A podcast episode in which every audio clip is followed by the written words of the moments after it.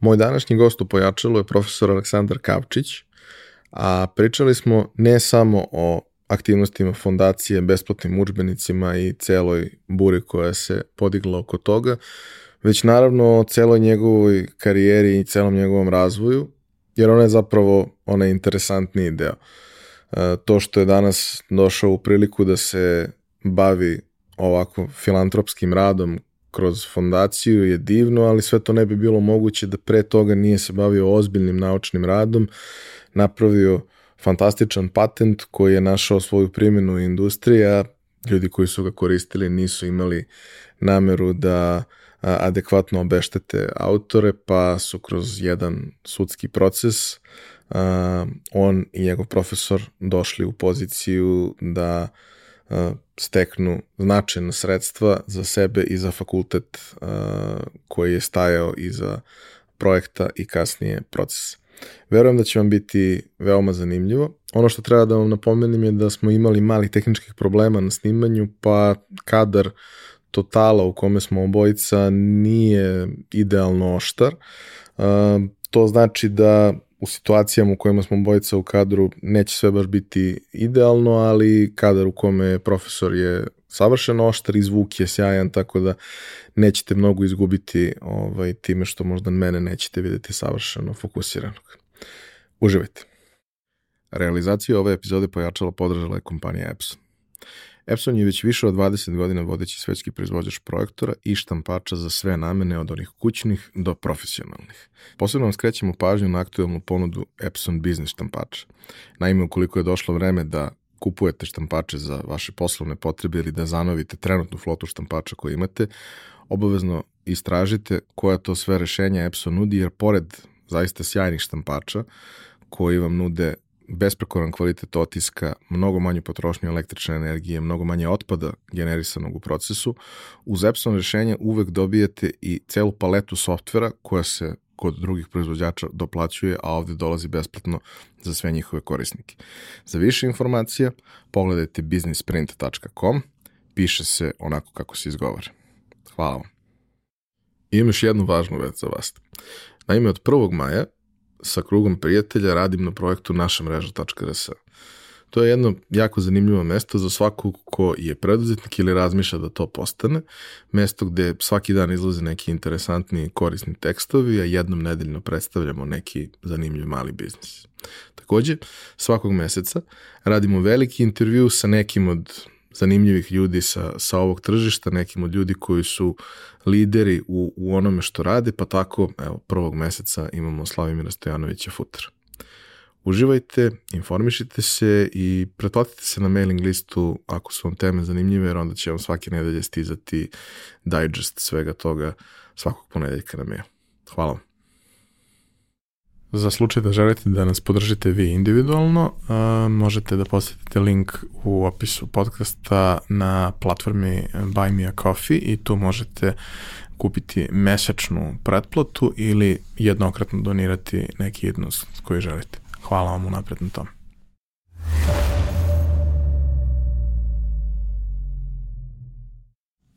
Veliko mi je zadovoljstvo što ste danas ovde. Jer već duže vreme želim da dovedem i zahvaljujući uh, mom dragom prijatelju Ivanu Ćosiću u tome sam i uspeo, jer pre svega želim da dam ljudima kontekst, uh, odnosno da ispričamo onu priču koja se desila pre nego što je došla na red fondacija.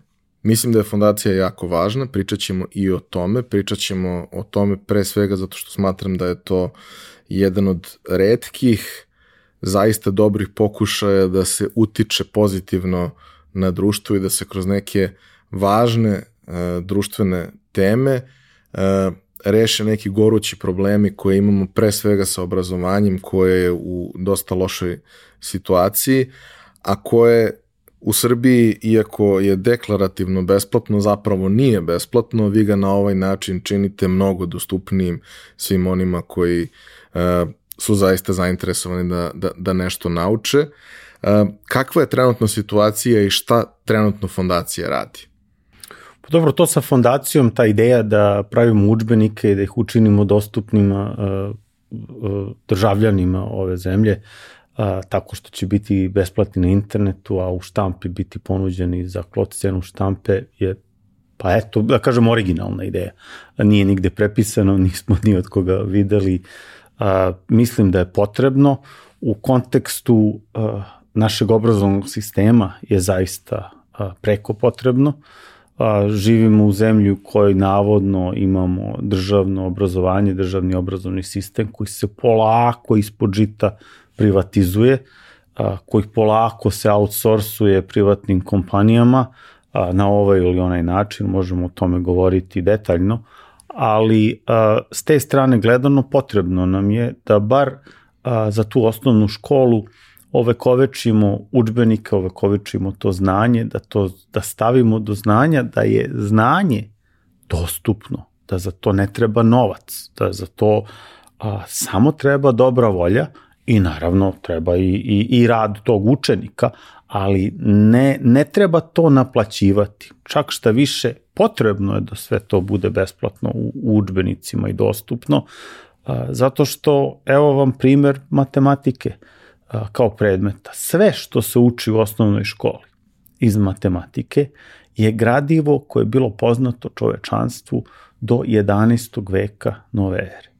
Pazite, poslednjih deset vekova matematike se uopšte ne uči u osnovnoj školi. Dakle, sve je to nešto što je hiljadu godina, bar hiljadu godina staro, a da ne govorimo o Pitagorinoj teoremi koja je stara 2600 godina.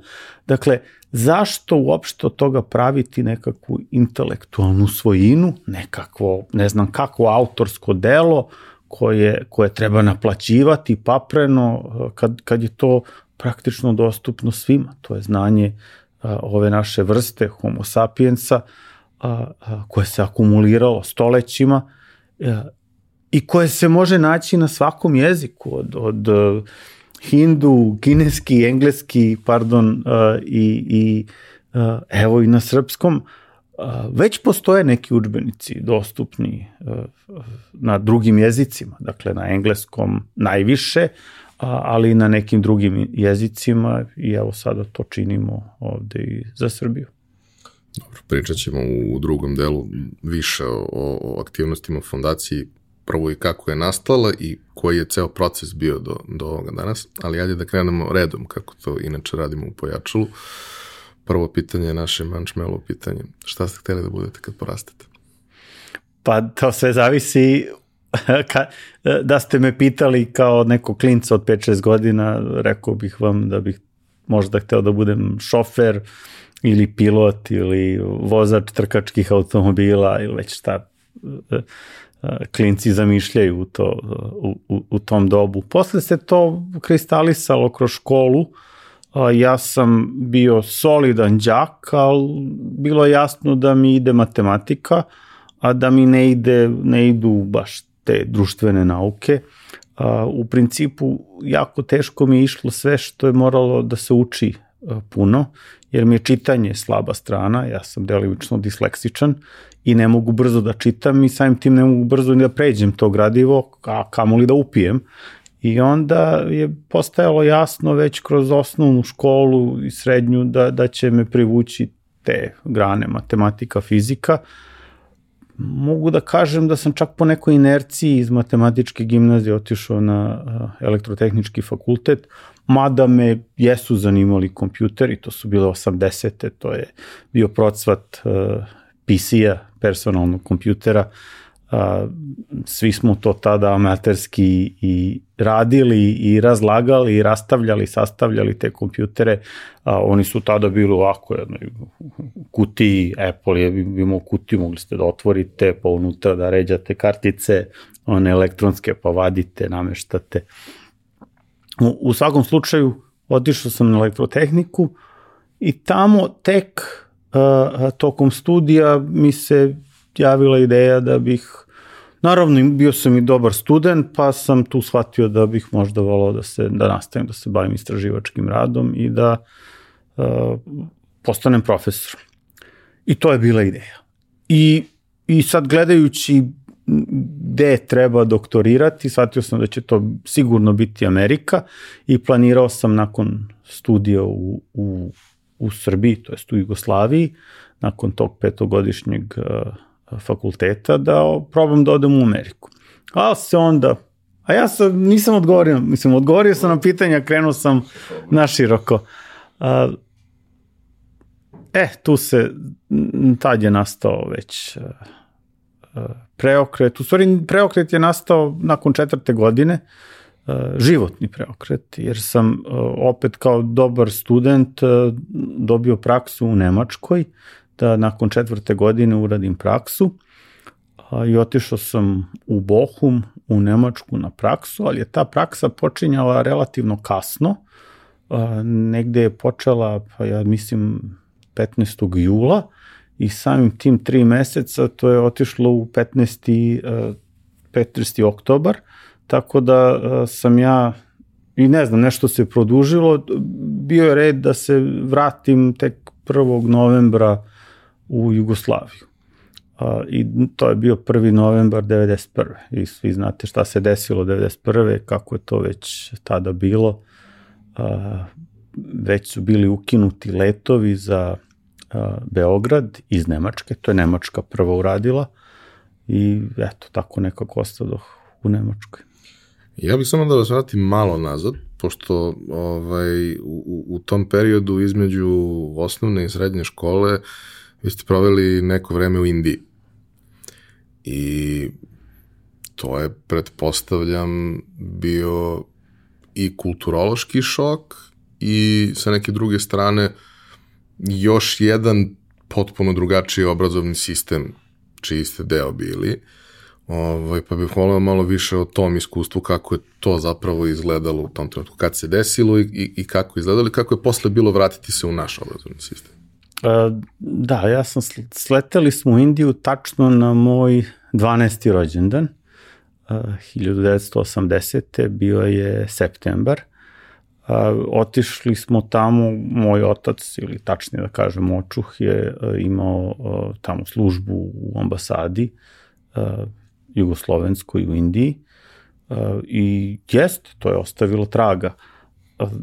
Nesumnjivo jedno lepo iskustvo, ne mogu da kažem da je bilo lepo, pogotovo prve dve godine meni nisu prijale. Uh, a, ja sam imao svoje drugare ovde u, u Jugoslaviji meni Jugoslavija bio centar sveta, odjednom sam se našao u jednoj drugoj zemlji, u jednoj kulturi koja nije tako naša, nije svakodnevnica jugoslovenska bila, a opet išao sam u školu koja je američka, trebalo se na to sve navići, naučiti jezik, shvatiti ko su vam tamo drugovi, prijatelji, naći novo društvo sve je to bilo uh, novo i drugačije, ali svakako jedno iskustvo koje je formativno bilo, jer naučite se da, da pre svega naučite jedan novi jezik, zatim uh, naučite da razmišljate na drugačiji način, uh, da se susrećete sa drugim kulturama, naučite se toleranciji, uh, i, i s te strane gledano bilo je formativno. Uh, opet i tamo su je bilo vrlo jasno da, da mi ide matematika, pa na osnovu toga su tamo čak predložili da preskočim razred, tako da sam ja završio pet razreda za četiri godine uh, u, u Indiji i vratio sam se u Jugoslaviju na, na upis u 11. razred, to je treći razred srednje i otišao sam u matematičku gimnaziju kao sa izuzetnim preporukama odande, pa sad u najbolju školu ovde u, u tadašnjoj Jugoslaviji. Uh, nije to baš bilo lako. Uh, naš obrazovni sistem tada u Jugoslaviji, pogotovo matematika u matematičkoj gimnaziji je bila vrlo napredna i ja sam jedva sustizao taj, taj tempo u, u gimnaziji, mada posle trebalo mi je otprilike godinu dana da, da se naviknem, tako da tu treću godinu sam ovako jedva izvuko nekakav odličan uspeh, ali u četvrtoj je već bilo dosta lakše. A pošto je bilo dosta gostiju koji su završili matematičku i svi o njoj, bez obzira na to čime su se posle bavili, zašto su se posle opredelili, a bilo je najrazličitijih opredeljenja, od umetnosti pa do nauke, tehnike, ovaj, kakav je osjećaj biti okružen najtalentovanijim mladim ljudima za vrlo specifičan set oblasti koji su, koje su tu ovaj, na, na jednom mestu. Na neki način čini mi se da uh, te specifičnosti koje svako od nas nosi kroz školovanje nas na jedan način odrede, a na drugi način nas izoluju malo u odnosu na neko okruženje, jer ako ti ide dobro matematika, nisi najčešće baš najbolje prihvaćen od svih, zato što većina ima problem sa tim. Ovaj, jer jednostavno to, to je tako. A ovde si okružen i možda po prvi put imaš dosta ljudi oko sebe koji su bolji od tebe. Kakav je osjećaj prosto za, za jednu mladu jedinku koja je uvek bila najbolja u nečemu da se sada okruže ljudima koji su slični? Pa prvo za sebe da kažem, ja nikad nisam imao taj utisak da sam ja bio najbolji u nečemu. Jer gde god sam bio, uvek je bilo nekih ljudi koji su bili bolji od mene u nečemu, pa dalje to bilo književnost ili neka društvena nauka, pa čak i, i, i matematika, jednostavno nisam nikad bio onaj najbolji u razredu, niti u školi, ali uvek negde pri vrhu. E sad ovde u matematičkoj gimnaziji ta atmosfera, pa ste vi znate da su tu ne, talentovani đaci. Ne samo što znate, oni to demonstriraju. Pa sad vi vidite tamo neki osvaja medalje na olimpijadi matematičkoj, drugi na fizici, treći zna da rastavi kompjuter, da složi sve, da četvrti opet upisuje fakultet posle treće godine srednje škole. E da, jedan je upisalo posle druge godine srednje škole fakultet. Shvatate vi to da, da je to talenat, onda među njima ima i ljudi koji znaju da pišu jako dobro, nisu to samo ljudi talentovani bili ili đaci za matematiku. Sve to stvori jednu atmosferu u kojoj, e da, još oni svi su vaši drugari. Dakle, redko ćete kasnije u životu sresti tako kompetitivnu atmosferu, takvu konkurenciju s jedne strane, u kojoj su vam sve to drugari iz odelenja. Jer nije baš tu bilo takve konkurencije da smo se mi sad borili za ko će da dobije, ne znam, posao. Pa sad nas 30 u odelenju, a jedan dobija posao. Ne, mi smo znali da će, kogod želi da će se upisati na fakultet uh, koji želi bez te konkurencije uh, među sobom. I mogu da kažem da je bila prilično dobra atmosfera, drugarska, opet uh, uh, sama činjenica da ste u, u, u odelenju sa izrazitno bistrim momcima i devojkama uh, vas natera da podižete i svoj standard, da se prilagođavate uh, i to je dobro. Uh, to je dobro za svakog od nas bilo, jer smo posle na fakultetima shvatili da, da nas je ta atmosfera iz matematičke gimnazila nosila i, i dalje.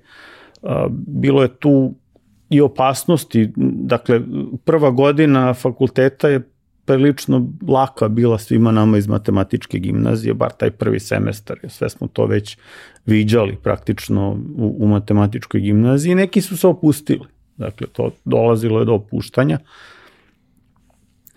Ali a, sama atmosfera, kvalitet uma tih ljudi, a, to tek postane jasno kasnije recimo e, tek kasnije, pa možda, hajde prebrojim godine, možda deseta godina kasnije, tek kad sam postao, dobio tu prvu profesuru na Harvardu, to je kad sam postao docent na, na Harvardu, shvatio sam da me ti ljudi, profesori na Harvardu, u mnogo me podsjećaju na ove moje drugare iz uh, matematičke gimnazije, uh, da je to jednostavno takav kvalitet uma. Uh, e sad, nažalost na Harvardu su to sve bili konkurenti. Dakle, nisu to bili e, drugari na Harvardu, znate, tamo već to odrasli ljudi, preko 25 godina, dakle, docenti su tamo 25, 6, 7 godina, e, a, a profesor je već stari i ima tu nekakve konkurencije među njima, znate, to je to među nama je bilo konkurencije. Redke su to prilike kada možete biti uh, ubačeni u jednu atmosferu uh, koja jeste, uh, u kojoj ima konkurencije, ali su vam sve to drugari. Ba, baš zato i, i mislim da je to okruženje neverovatno, ima mnogo divnih priča gde su posle ti ljudi se kroz život sretali, formirali nekakva partnerstva, firme, svašta nešto radili zajedno na projektima, a u suštini ih je povezivalo to što su se znali iz matematičke i ovaj, bez obzira što ih je kasnije put odveo na neke različite strane.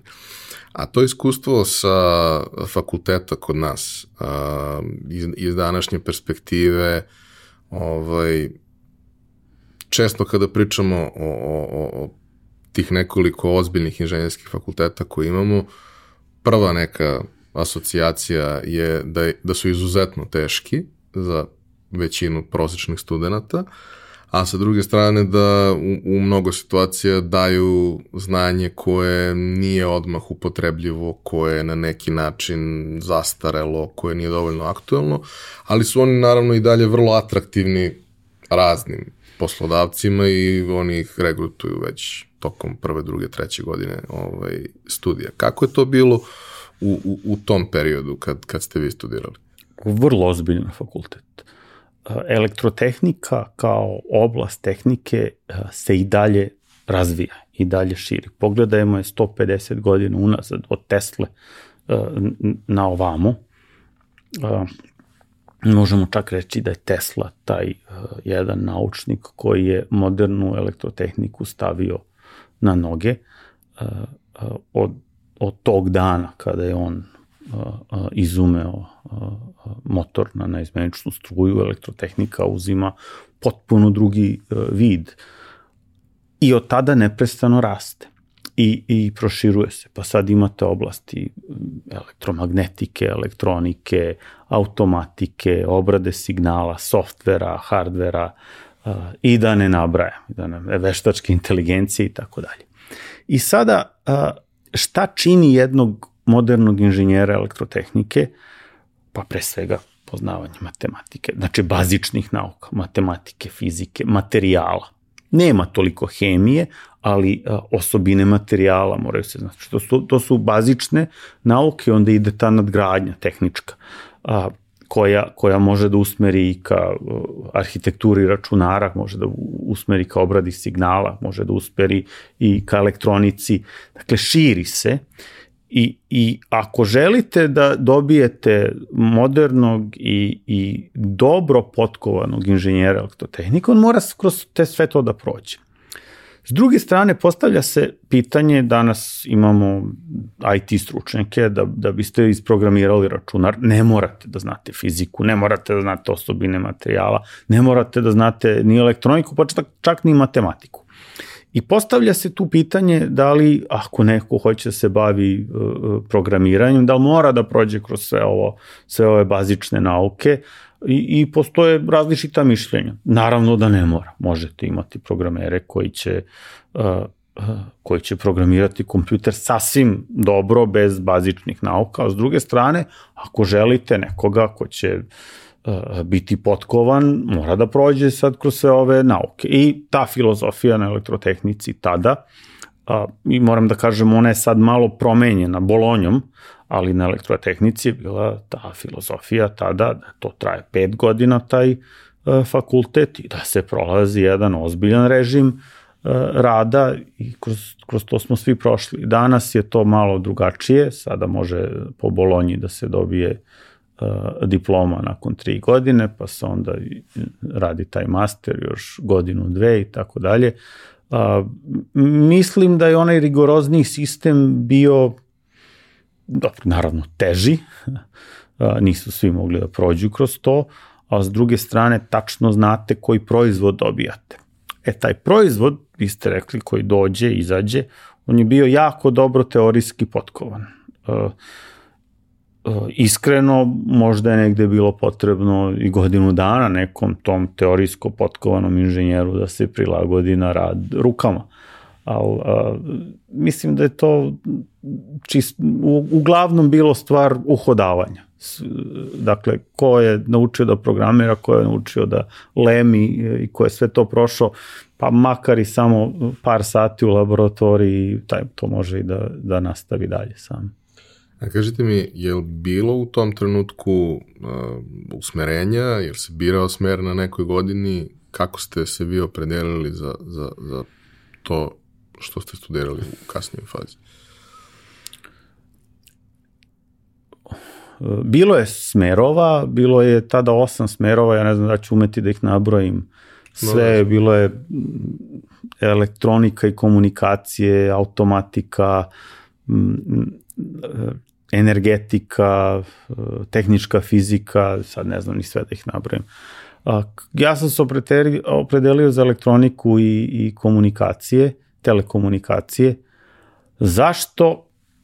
Eto, ne znam zašto, nešto smo se dogovarali, drugari kao gde ćemo, šta ćemo, šta, šta nam se tu čini kao uh, najperspektivnije i onda smo shvatili, ajte tu elektronika i telekomunikacije, tu ima malo i računara, ima malo i, i komunikacija, televizije, radija, uh, svega redom. Da, bio je računarski smer, uh, uh, ali eto, jedna, jedna skupina nas je otišla, izabrala elektroniku i telekomunikacije. Imali smo Mislim, dobro smo uradili prijemne, pa smo mogli da biramo koji ćemo smer.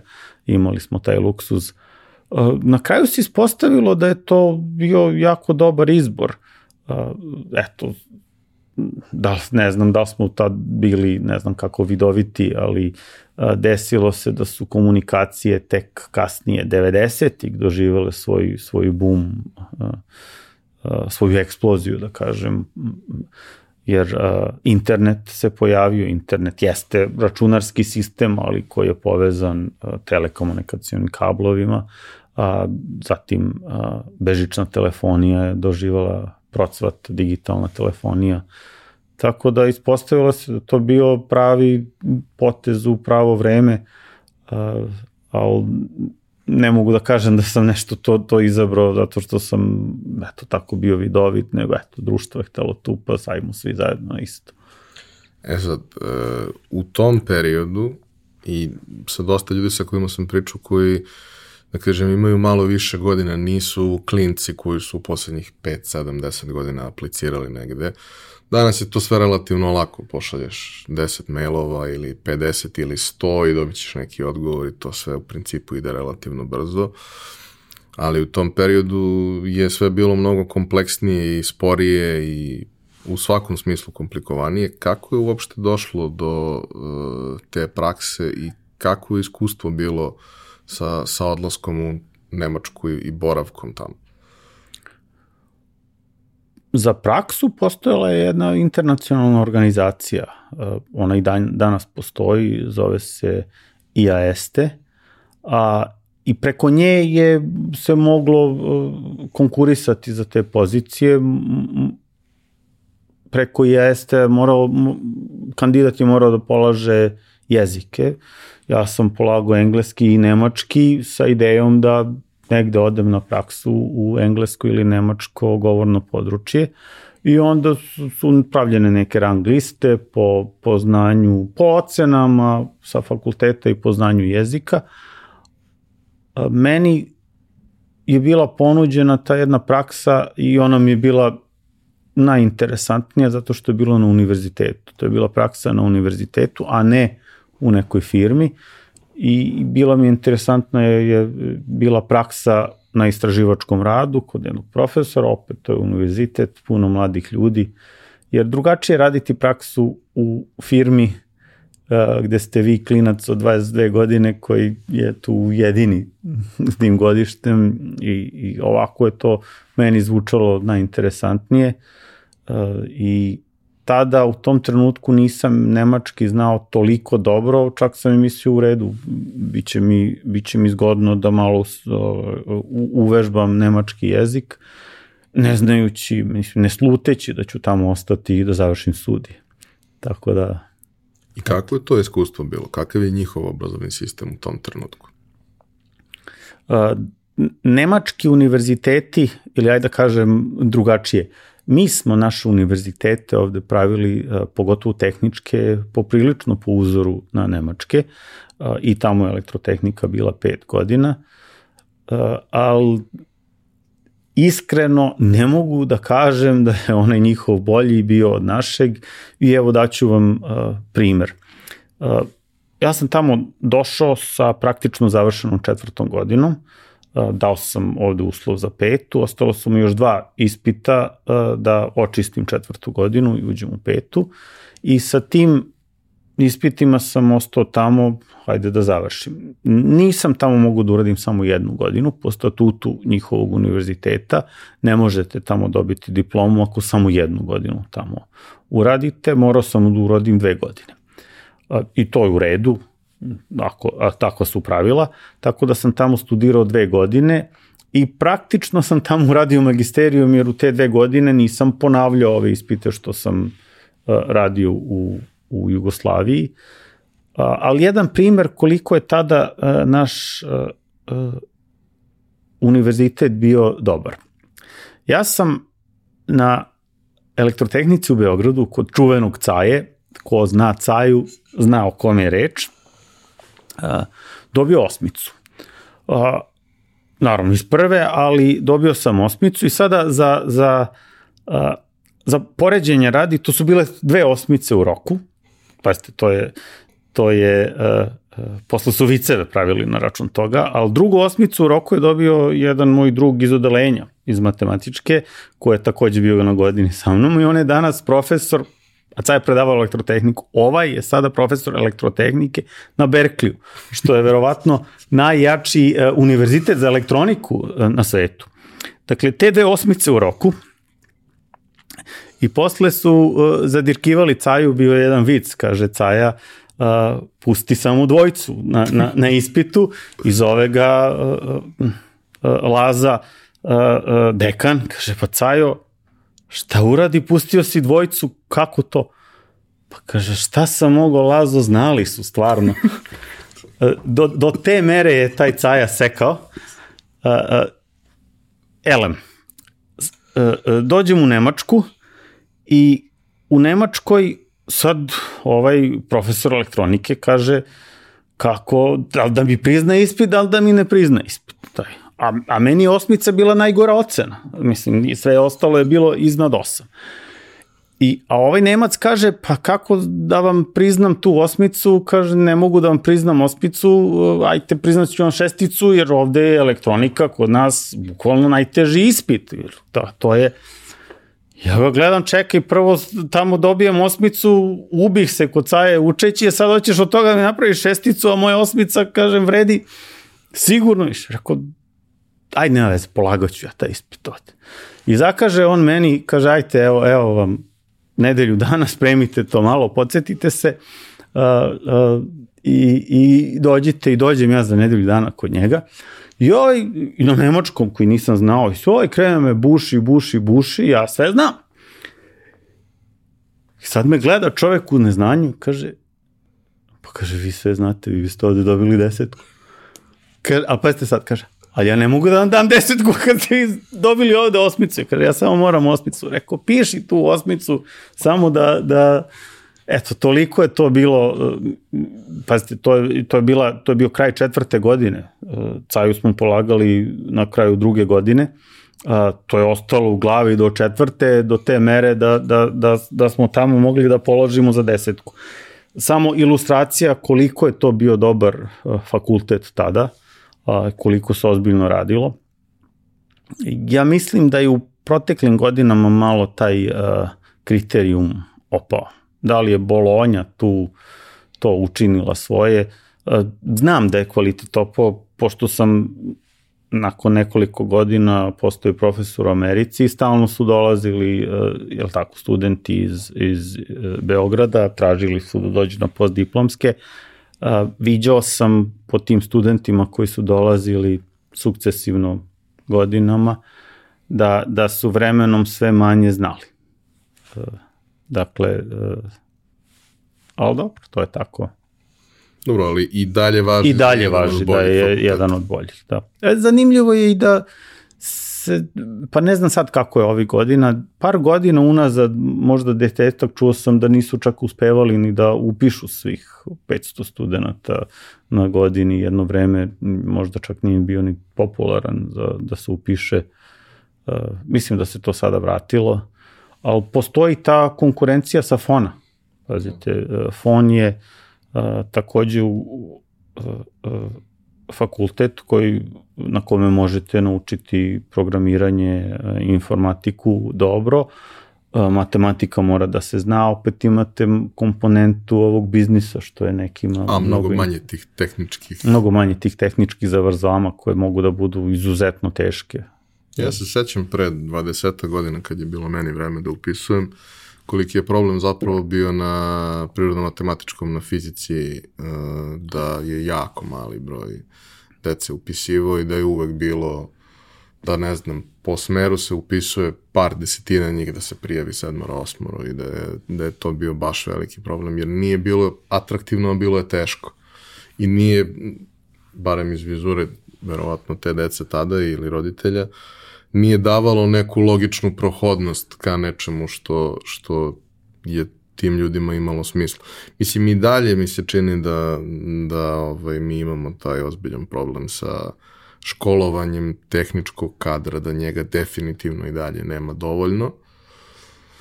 Bez obzira na potražnju, bez obzira na to što je ta informatička industrija ovaj, u, u, u velikom rastu već godinama da mi dalje ne možemo to da sustignemo ovaj, sa, sa, sa brojem ljudi koji su zainteresovani da se osposobe za nešto više. Jer kao što ste sami rekli, potpuno je u redu da ti budeš i samouk i priučen programer i sve ostalo, ali neko mora da zna ono sve da bi moglo da se napravi nešto kompleksno. I njemu treba mnogo tih koji će pomoći u tom procesu kao, neću kažem fizikalci, ali na taj neki način sa, sa nekim mnogo nižim nivom ovaj, znanja i, i, i kompleksnosti rada. Ali mora da postoji određeni broj njih koji zapravo razumeju kako funkcioniše mašina koju programiraju. A toga, nažalost, čini mi se da, da nema dovoljno, a i većina tih ljudi koji znaju nešto i najtalentovanijih ode odavde. Neki se kasnije vrate, ali nema toga, nema toga previše. A, nakon Bohuma, a, kako je tekao put ka Americi? Bohum je zapravo bila samo jedna međustanica. Ja sam znao da ću pokušati da odem u Ameriku na doktorat, ali a, samo je to bilo odloženo za godinu dana, jer u Bohumu sam morao da uradim dve godine, a u Jugoslaviji je trebalo da uradim još jednu godinu. Prijavio sam se na desetak, malo više od desetak univerziteta, gde sam mislio da bih hteo da radim doktorat. Mislim, tu mi, bilo je tu malo i strategije, nađete nekih najbolje, pa, pa malo srednje i neke najniže gde mislite da, eto, čisto ako ništa ne upali da tu može da se, da se uđe. I da, tada je to sve, sve sam morao običnim ono, poštom da šaljem sve, sve te prijeve. I trajalo je. Trajalo je, iako je bilo e-maila, ali uh, e-mail čak nisu svi profesori koristili. Neki jesu, neki nisu, nekima sam pisao uh, da, da vidim kako je to, ali sva komunikacija zvanična sa samim univerzitetom morala je da ide preko uh, pošte.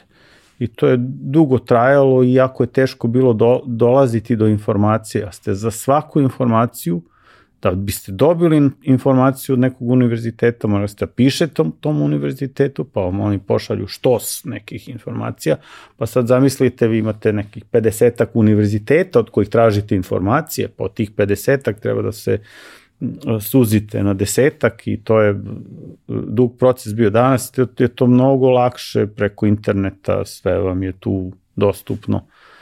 Ali eto, kroz taj proces sam prošao, pa sam morao da taj proces selekcije gde ću poslati prijave, pa uh, onda je bilo tih uh, prijemnih ispita, to su, ili ajde da kažemo, to su kvalifikacioni ispiti koji vas ispitaju u oblasti ovoj vašoj tehničkoj i u oblasti znanja jezika, engleskog, i onda je to trebalo položiti adekvatno, poslati te prijave na univerzitete i onda se čeka odgovor da vidite gde, gde, će, gde ćete se upisati. Sam upis nije toliko težak koliko je bilo teško dobiti stipendiju. To je tada bila 92. godina, to je bio onaj mandat Georgea Busha, starijeg, u kome je Amerika prošla kroz recesiju, i on je zapravo izgubio te izbore 92. upravo zato što je privreda američka i čitava ekonomija pala i nije bilo puno stipendija te godine. Tako da je e, recimo par godina kasnije mnogo lakše bilo dobiti stipendiju, ali te godine baš bilo gusto.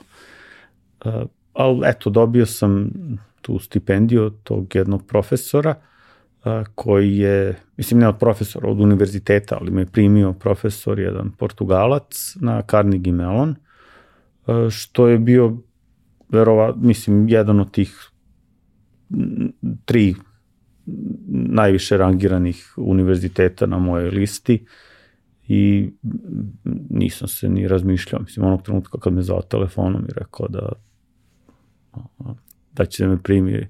Pitao me samo, koliko dugo treba da čeka na moj odgovor. Ja sam mu tada rekao, možete ga odmah dobiti, samo recite da me primate, evo ja dolazim. I, i tako, tako je bilo.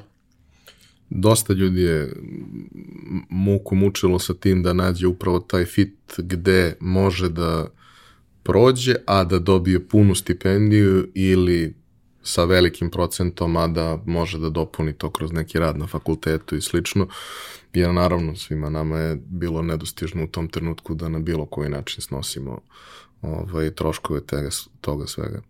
A, I sad svako ko je otišao na, na neki američki univerzitet, bilo na redovno, bilo na postdiplomske studije, kaže da je to jedan potpuno novi svet i jedno potpuno novo okruženje i potpuno drugačiji odnos između studenta, profesora, način na koji se komunicira, način na koji izgledaju predavanja i sve ostalo.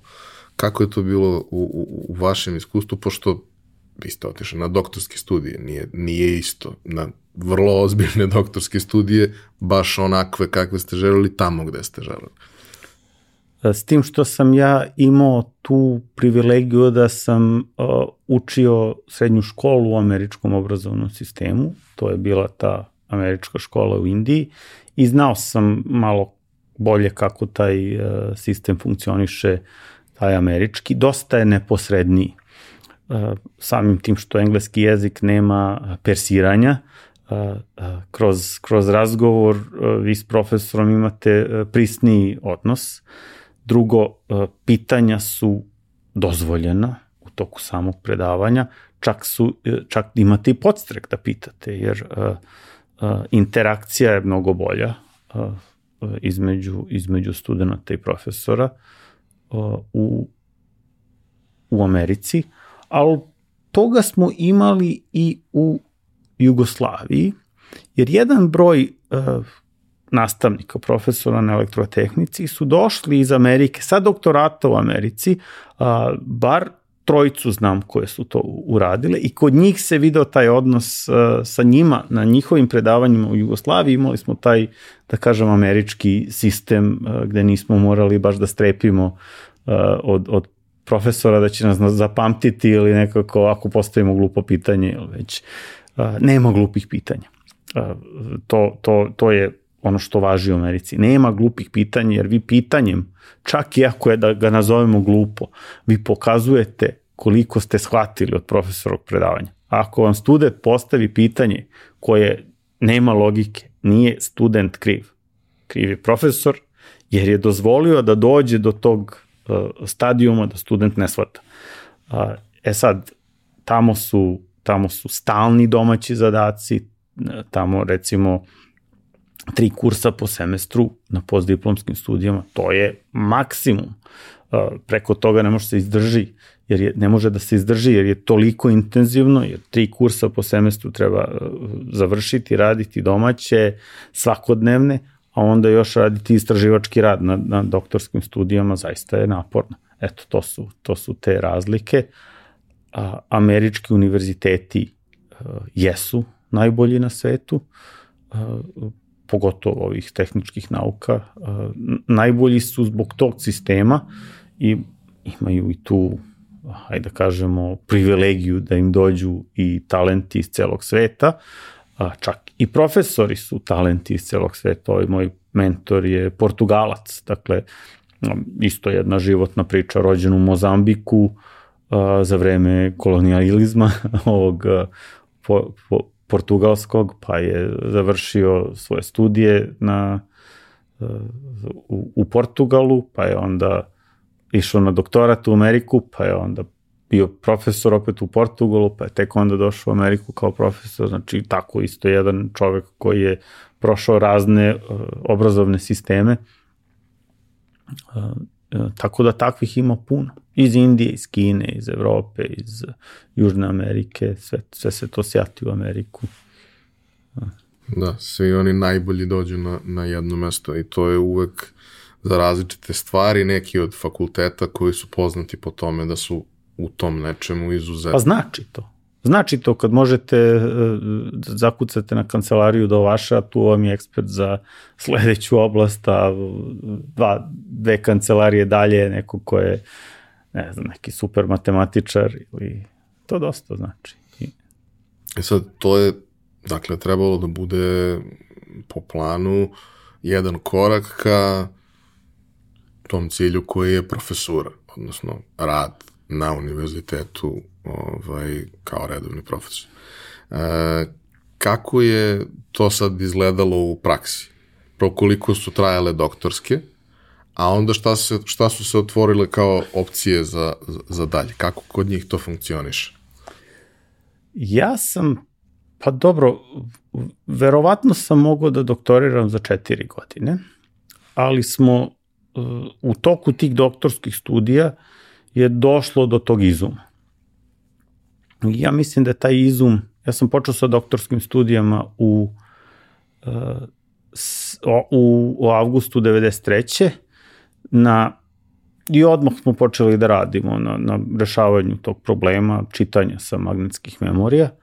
U zimu između 95. i 96. ja mislim da se, da se jesen 95. na, na uh, pa na zimu 95. da, da je tu kvrcnulo nešto uh, i tada, tada smo uh, to je prvo sam ja spoznao to i tu se desilo do tog izuma koji smo posle još malo obradili. I tu je profesor, uh, moj mentor je odlučio da odlučio je da, da to ne šaljemo odmah na objavu naučnog rada, nego da prvo patentiramo. I čekali smo da, da taj patent uđe u, u proces, da dobijemo nekakvo obaveštenje da, da je patent e, prihvaćen, pa tek smo onda išli u, u, u objavljivanje naučnih radova. E sad, pošto praktično sam mogao za četiri godine završim doktorat, ostala mi peta godina.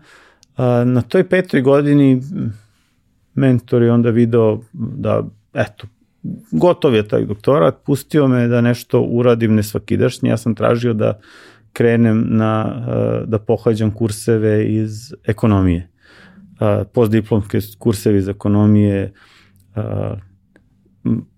mikroekonomija, makroekonomija, ne znam, teorija cena, a, a, još neki zaboravio sam sad, jedno četiri kursa na postdiplomskim studijama iz ekonomije sam uh, oslušao i to mi se, uh, a da, uh, berza, kako, da. kako na berzi raditi, jer eto nisam imao predstavu gde ću se zaposliti. Jedna od opcija mi je bila da odem u neku od konsultantskih kuća, ovih velikih McKenzie i Pricewaterhouse i takve, a druga opcija je da probam na, na univerzitete.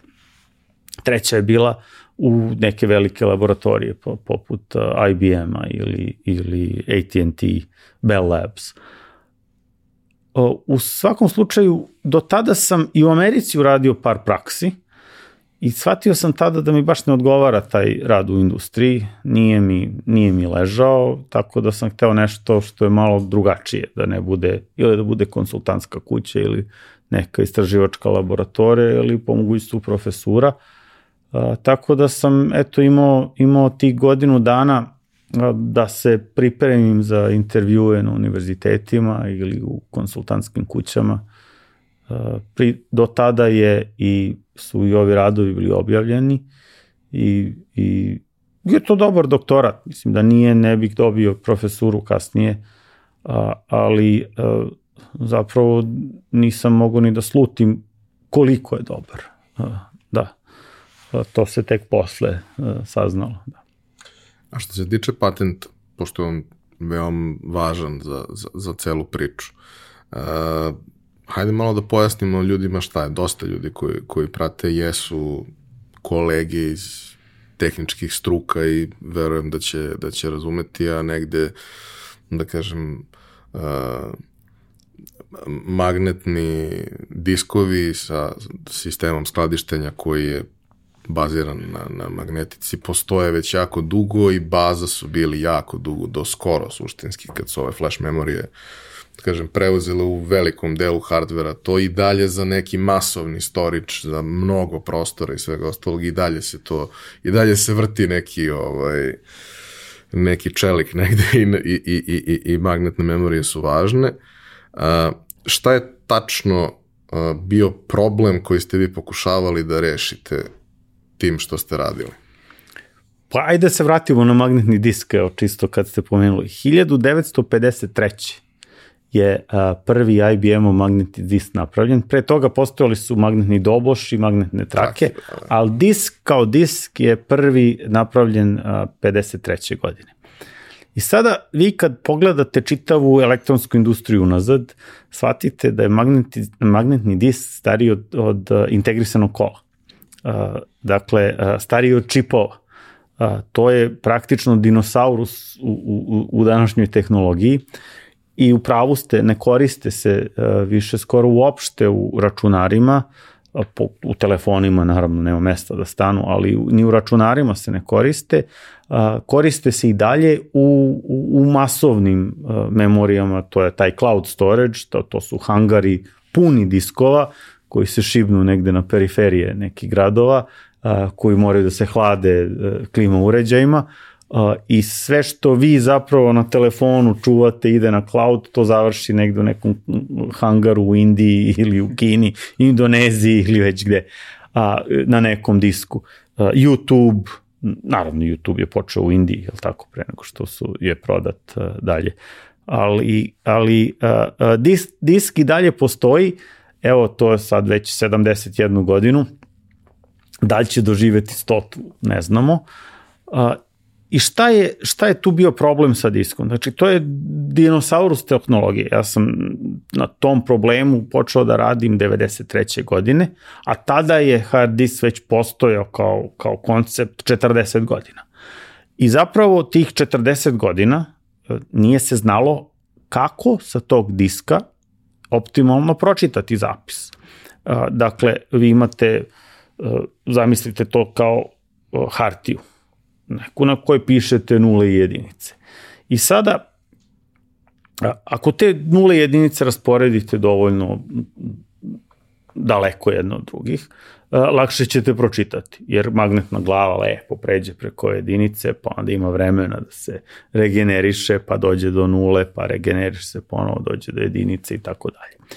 Ali kad te nule jedinice krenete da pakujete, gušće, gušće, gušće, gušće, gušće, naravno, u jednom trenutku mora da pukne sistem, jer ako, ako krenete da pakujete suviše gusto, preklopit će se nula jedinica. Znači mora postojati neki razmak. Ali se nije znalo koliki taj razmak mora da bude, da se i dalje može pročitati to što se zapisalo. Pouzdan. Pa, e, šta znači pouzdano? Sa nekom dozvoljenom verovatnoćom greške koji će posle uh, preokrenuti zaštitni kod uh, koji takođe mora tu da, uh, uh, da postoji. I od čega zavisi koliko vi gusto možete pisati te nule jedinice? Zavisi vam od toga koliko vam je dobar čitač. Dakle, što je čitač bolji, to vi gušće možete da pakujete nule jedinice. A s druge strane nije se znalo kako napraviti najbolji ili optimalni čitač. I onda je iz svake generacije čitača, svaka nova generacija čitača je bila sve bolja i bolja, u, u, u, u, to su firme pravile sve bolje i bolje čitače, bez da su znali kako treba da izgleda najbolji optimalan čitač. Niti su znali koliko tu još ima mesta, jer znate kako, kad vi znate koliko tu ima mesta, ajde ovako, zamislite da vam neko kaže e, e, moguće je da vi duplirate ili triplirate gustinu pakovanja.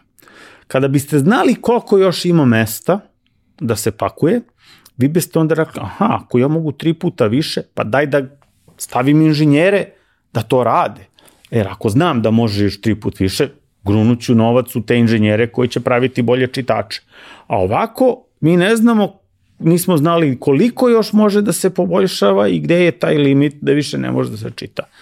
I, e, mi smo pronašli taj limit tačno smo rekli ovo je najbolji čitač, ovako izgleda, ovako on može da se napravi u čipovima sa tim i tim komponentama i onda matematički dokazali da bolje od toga ne može. I ispostavilo se da to što je, što je optimalno moglo je da poveća gustinu pakovanja za još jedno 50%.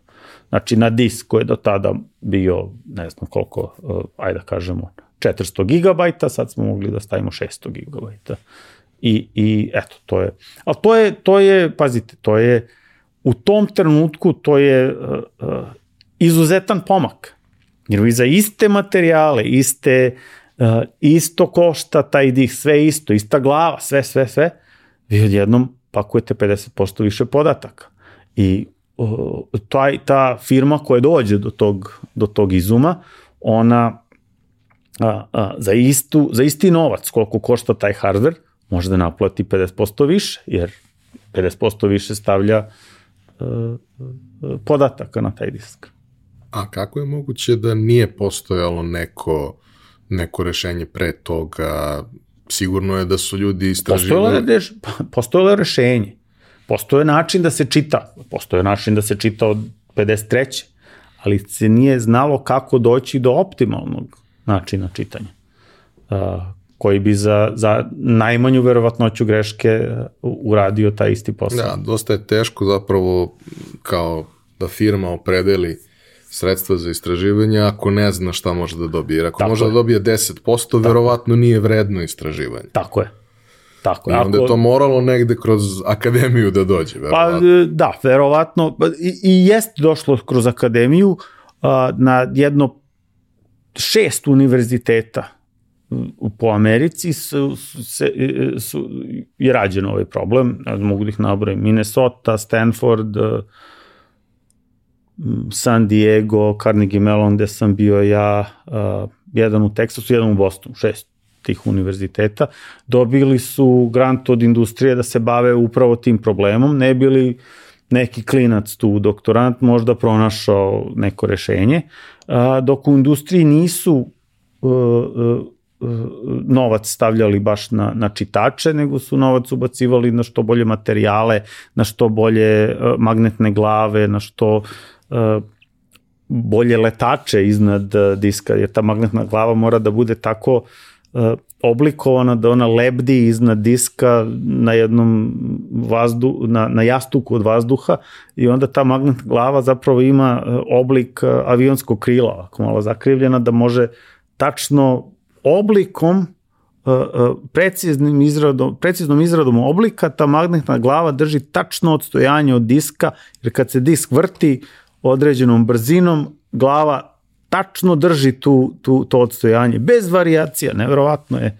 Dakle, u to su više pumpali novac industrija, ne u, u čitače. Jasno. Uh, proces patentiranja.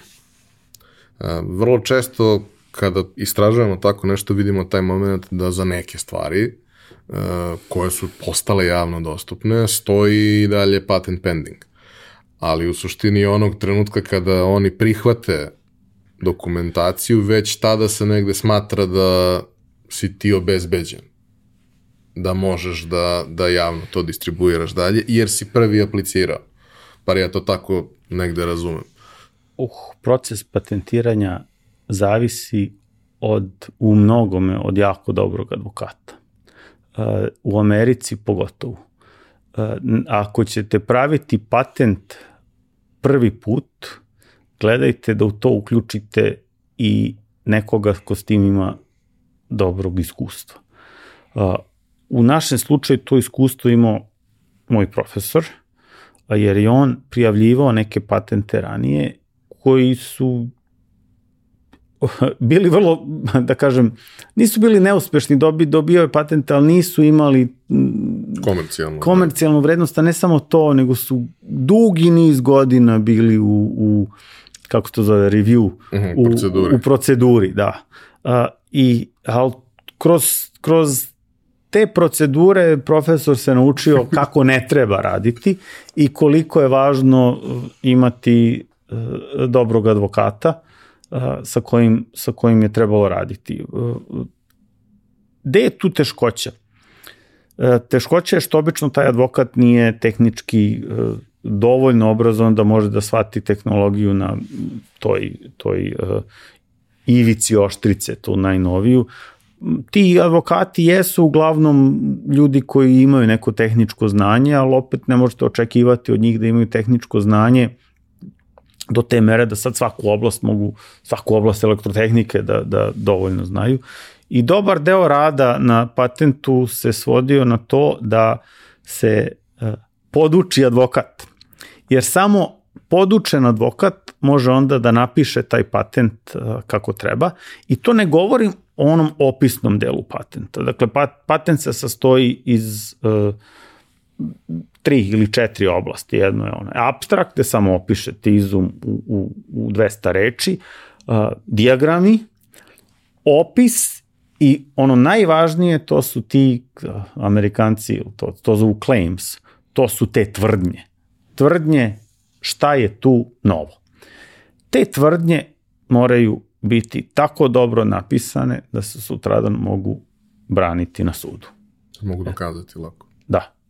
To je, to je taj ključ te tvrdnje. Dobar advokat mora tako dobro da ovlada uh, materijom, da jako dobro bude upućen šta je do tada napravljeno, a šta je pomak, kako bi te tvrdnje uh, napisao što bolje. E sad, šta je uh, vaš život nakon tog pronalaska, sa jedne strane profesionalni, a sa druge strane šta je život pronalaska? Nakon, dobro, pronalazak je bio i doktorat. Sam pronalazak vam ne traži da vi to dokažete da je to najbolja metoda, sam doktorat je imao pronalazak i onda imao jedan matematički deo koji je dokazao da je taj pronalazak optimalno rešenje, pa je onda radio sam još neke teorijske analize, čista matematika, koje su se nadovezale na, na, na te Markovljeve nizove koje smo, osobine koje smo u tome pronašli. I sam doktorat je bio takav da je solidan je bio, uspeo sam na osnovu njega i na osnovu intervjua da se zaposlim na Harvardu kao docent, što je izuzetno, jer uh, ipak je to najbolji ili jedan od najboljih univerziteta na svetu.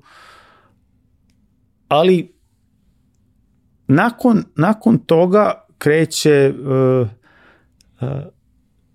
život sa patentom u ruci. I ja sam negde očekivao da će taj patent ili taj izum, taj doktorat dobiti veći odjek u, u, u naučnoj uh, toj moje sredini ili među tim naučnicima koji su se time bavili, ali nije dobio. Uh, jednostavno je prošao, ok, prošao je kao dobro rešenje, bio je malo citiran, ali e, nije bilo nekakvog velikog odjeka. Znali smo da je to optimalno rešenje.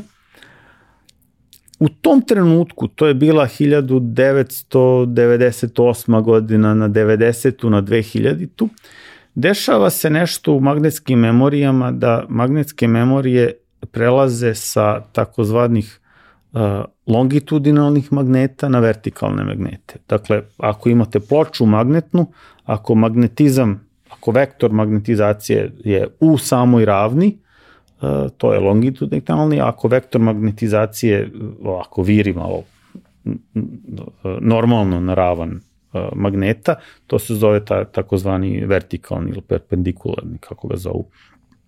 Kad imate vertikalni, pakovanja krenu da budu mnogo mnogo veća jer ne moraju magneti da se suočavaju kako da kažem sever na sever ili jug na jug, već mogu da stoje paralelno i mnogo je bolja energetski konstelacija, može, može gušće da se pakuje. Međutim, u toj u tom pakovanju tih vertikalnih magneta mnogo je više bilo tog magnetskog šuma koje ovaj naš izum mogao da, da zanemari, to jest da, da čita uprkos tom magnetskom šumu. I tu se desilo da, da je taj naš izum upravo tada, te 2000. godine, uh, shvatili su negde u nekim firmama da baš taj izum uh, čitanje sa, sa tih vertikalnih magneta čini mnogo, mnogo bolje. Ali su krenuli da ćute o tome. Dakle, iz industrije muk, jednostavno, uh, ni da li je dobro, ni da li je loše rešenje, ni jednostavno muk, kao da niko ne želi da ga pipne. Uh, dok se jednom nije desilo, pa sad to je možda već bila, boga mi, 20, 2002. ili treća godina, jedan od uh, sad već kolega, on je isto doktorirao na Stanfordu bio, ali je otišao da radi za industriju, uh, zove me i kaže on bi došao u Boston da porazgovara sa mnom o sledećim ne znam, mojim izumima ili istraživačkom radu na kom radim, kao pa da li bih hteo da porazgovaram s njim, ja rekao što da ne. Odo smo na neki ručak i sad zanimljivo je bilo na tom ručku da on zapravo ništa nije hteo da zna od mene na čemu ja dalje radim, na kojim to uh, istraživačkim problemima, samo me vraćao na ovo što sam radio na, za, za doktorat i, i raspitivao se o tom patentu i uh,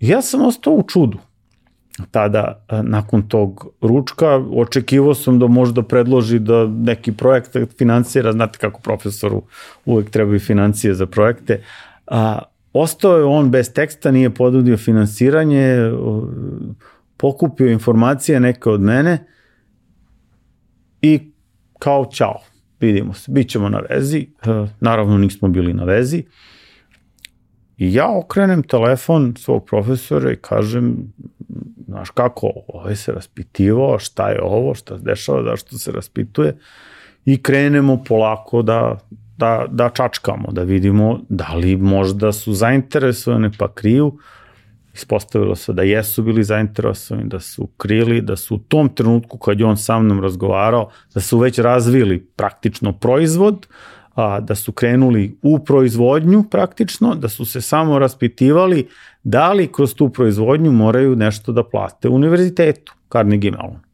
a, zbog patenta. A, došli su do zaključka da oni mogu da eskiviraju taj patent, nekako su to zaključili i krenuli u proizvodnju, I opet mi to nismo znali. Nismo ni mogli da znamo, nismo mogli da dođemo do informacije, osim tako nešto rekla kazala, neki inženjeri iz industrije su nam govorili jeste, oni koriste vaš patent, ali kad vi pitate šta se treba, konkretno koristi, niko ne može da vam kaže. Neće da vam kažu. A, I to je bio izvor frustracija. Znate, imate s jedne strane a, patent koji deluje da ga koriste, deluje da je jako dobar, s druge strane niko neće ništa da vam kaže o tome. A, u to vreme ja sam bio a, pod pritiskom na Harvardu da a, napravim nešto nesvakidašnje, jer to nesvakidašnje što bi trebalo da napravim je trebalo da mi obezbedi redovnu profesuru. Ja sam tamo počeo kao docent, postao vanredni profesor, na izboru za, redovnu, za redovnog profesora nisam prošao. Zašto? Zato što je Harvard tražio da se uh, uh, mom imenu pridruži nešto nesvakidašnje. Uh, ja jesam radio na Harvardu na jednom problemu koji uh, smo donekle rešili, ali nismo ga baš do, do tančina rešili da je to moglo da bude, da bude taj neki novi moj izum. I ja nisam prošao na tom izboru za redovnog profesora na Harvardu. A, ovo što sam radio za doktorat nije doprinelo izboru, naravno tome je industrija čutala, a, tako da sam a, 2000, sad bože godine, 2007. u januaru prešao na Havajski univerzitet. I naravno i dalje, i dalje stoji to da, da mi ne znamo šta se dešava s patentom, stalno pokušavamo da pronađemo nešto. Kad javi meni jedan ovaj, prijatelj iz industrije i kaže ako stvarno hoćeš da znaš šta industrija koristi. Mislim, vrlo, on mi nije rekao. Nije mi rekao ko šta koristi, ali mi je dao način da saznam šta industrija koristi. Kaže, ako stvarno želiš da znaš šta se koristi u industriji ovaj, kao rešenja, kreni da čitaš njihove patente. Rekao, jer oni prave svoje patente i po tim patentima će nešto da bude ovaj, ugrađeno u njihovo čipo. I tako krenem da čitam patente koje pravi industrija I tačno tada vidim, da je bila 2008. godina, uh, vidim da upravo onaj što me je, uh, onaj uh, sa, što je doktorirao na Stanfordu iz, iz kompanije sa kojim sam ručao, je prijavio patent vrlo sličan ovom našem, ali skoro identičan. A, i, I primljen mu je, prošao je. Dakle, taj ko je pregledao patent je to pustio. Nekako su uspeli. To može da se desi.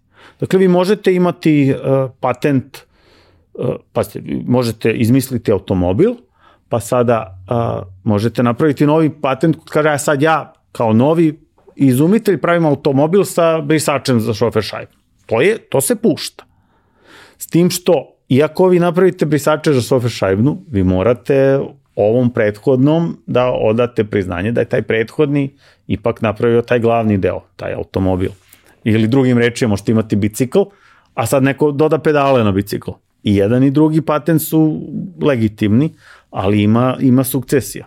E, i tako praktično saznamo šta je u, u, u tom u tom čipu, praktično saznamo, ne ne stopostotno, ali dobijemo nekakvu inklinaciju šta je tu i onda su već uh, krenuli rade advokati. Jer do tada advokati nisu hteli da pipnu ovaj naš uh, proces, jer nisu imali dokaza da ta firma uopšte krši, uh, krši patent. I koliko je onda trajao ceo proces? Proces je pokrenut 2009. godine, pred porotu je otišao 2012 a po, e, e, onda je 2012. E, poruta presudila u našu korist, pa je usledio proces žalbe, pa je u procesu žalbe proces otišao na, na apelaciju, pa je apelacioni sud to razmatrao 2016. i nakon apelacioni, apelacioni sud nije potvrdio odluku osnovnog suda, već je apelacijoni sud vratio na osnovni sud, pazite sad to, dakle, apelacijoni sud vraća na osnovni sud sa instrukcijama šta osnovni sud mora da popravi u proceduri. Kroz te instrukcije je bilo jasno da ako prođe još jednom kroz osnovni sud, da ćemo dobiti, ali ovaj put će Marvel ostati bez prava na apelaciju. A, I u tom trenutku je Marvel bio spreman na, na van sudsko poravnjanje. Tako da je od 2009. do, do, do, do kraja 2016. sve to trajalo. I taj moment, uh, kažete, od 2009. do 2012. je to je prvi trenutak kada se izlazi pred porod, to je tri godine pripreme. Tri godine pripreme. Što... E sad ja imam ovde iskustva sa ovdašnjim sudovima. a, a, princip, princip u Americi je takav da sud traži da se vi pripremite za, za, za ročište. I tri godine traju te pripreme za ročište. Svaki svedok se ispita, sve, svi podaci se preispitaju, svi podaci se razmene između dve, su, dve strane, sve mora da se prečešlja, sve se prečešlja pre ulaska u sudnicu. Ali onog trenutka kad uđete u sudnicu, nema prekidanja procesa. Dakle, od tog trenutka kad uđete u sudnicu, kad se isabere porota, to mora kontinualno da traje do završetka suđenja. A, što je dosta različito od, od ovoga kako je kod nas, ovde mi imamo jedno ročište, pa sad sudija kaže, a, isteklo nam vreme, dođite za mesec dana. Proces ovde verovatno nije nije savršen, nije dobar, jer u tom prekidu od mesec dana vi tačno možete da ustanovite uh, uh, kako će biti odbrana, kako druga strana razmišlja i možete u tih mesec dana da preinačite tužbu, što je potpuno nesvatljivo ne, ne, i, i, zabranjeno u Americi. Dakle, tamo je to tri godine bilo priprema za ročište, kad smo ušli u sudnicu, to je trajalo kontinualno četiri nedelje. Dakle, 28 dana je praktično trajalo to suđenje. E, dakle, vrlo, vrlo složen i dugačak proces sa porotom. E, eto, to je tako izgledalo. Zvuči iscrpljujuće prilično. Pa jeste. Pogotovo kad ste emotivno, emotivno vestirani u to. To je... Jeste. A kako izgleda život tokom tog perioda? Pošto priprema okay. ili samog ročišta? Pa ne, tih, eto, to je trajalo od 2009. do 2016. 7 godina. Tokom tih 7 godina postoji život, postoji posao, postoji sve. Postoji deca i brak i, i sve. E, pa da, za tih e, prva čerka se e, nama rodila 2010. druga 2012. To je bio period uh, mislim, ne možete se odreći života, a s druge strane, toliko rada je bilo potrebno na tom, na pripremi za ročište, uh, to jest za, za sudski proces, toliko je, je moralo da se uloži rada na edukaciji samih advokata, jer ja, ja imam jednu osobinu. Ja nisam hteo ni u jednom trenutku da izvrgavam istinu. Iako su advokati meni predlagali da malo ja to ublažim, da poroti malo, kaže mi neku laž, ne, ne neku substancijalno, ali nešto što je laž koja bi im navodno omogućila da lakše shvate materiju, tehničku materiju. Ja nisam pristajao. Dakle, ja sam rekao, čekajte, ovo ili ćemo dobiti onako kako, reći ćemo celu istinu, punu istinu ili nećemo, ja ne mogu da tamo da izađem pred, pred sudiju, pred porotu i da izmišljam nešto. E, to nisam ja. Ja ne mogu da kažem nešto što ne mislim ili, mislim, tak, takva mi je profesija. Mislim, vi, vi u matematici ne možete da slažete dokaz teoreme. To ne ide. I, i, i to je bio zahtev. I, to, I zato je bilo tako naporno da se, da se našim advokatima pre svega predstavi tehnologija na način na koji oni razumeju, oni razumeju, a onda oni da smisle način kako to što su razumeli da predstave poroti da bi porot to razumela, A onda da proverite da li to što će I onda da kažu to da, tačno. da je tačno, da ne ispadne da smo... Jer pazite, ako vas protivnička strana uhvati u laž, vi ste gotovi. Uh, uh, ključ svakog svakog uh, uh, sudskog procesa, ključ svakog sudskog procesa je da uvek govorite istinu. Ako vas negde uhvate u laži, bilo kakvoj, maloj, maloj laži, nećete, o, izazvaćete sumnju u svoje iskaze. A kad izazovete sumnju, onda se više ne zna da li dalje govorite istinu ili ne. Dakle, svaka izjava, sve što kažete u, u, u sudskom procesu mora biti istina. Najteže je pokušati slagati. Jer onda morate jako dobro da vodite računa gde ste, koga i kako slagali. I da pamtite. I, i da pamtite. E sad, vratimo se na onu moju osobinu. Ja ne umem da pamtim, ne znam, ne, ne, nisam dobro prolazio iz istorije, iz geografije, gde je, i biologije, gde je trebalo mnogo izraza pamtiti. I onda uzda se, uzdate se u to da kažete istinu i s istinom kako bude. Tako i s ovim procesima ovde u, u Srbiji. A, s, ja isključivo govorim istinu i onda znam da me neće uhvatiti s jednog ročišta, drugog, trećeg, pa da upoređujemo iskaze, jer odakle god da uporede dobit će istu, jedinu i samo tu jednu istinu. I tako je bilo i u Americi. I tako će biti i u ovom sledećem procesu u Americi, ali imamo još jedan proces patentski, u ovom slučaju sada je Carnegie Mellon i u procesu protiv Broadcoma. Za, za isti period za isti neki... Taj, isti taj par patenata, da. Uh -huh. uh, e sad, uh, ne mogu da ne pitam. Kakav je osjećaj pobediti nakon svega? Ja, to, to uopšte nije, ne deluje tako triumfalno. Uh, to je pre svega bilo jedno veliko olakšanje. Uh, to je, uh, uh, probudite se tog dana i kažete da li je moguće, ja više ne moram ni da dokazujem da je to moje, da je izum moj, da izum radi, da je nešto vredan. Uopšte nije u tom trenutku bilo bitno ni koliko je vredan, ni kolika je ta odšteta porote, niti koliko je to poravnanje. Samo je bitno bilo kraj. Zaista sada je kraj. I, i to je e, e, to olakšanje je bilo takvo da sam eto, godinu dana rešio da ništa ne radim. Dakle, stvarno, da, na kraju mi je ta dosada dosadila, kada dosada dosadila, ali a, a, malo oksimoron, je li tako? Al, ali je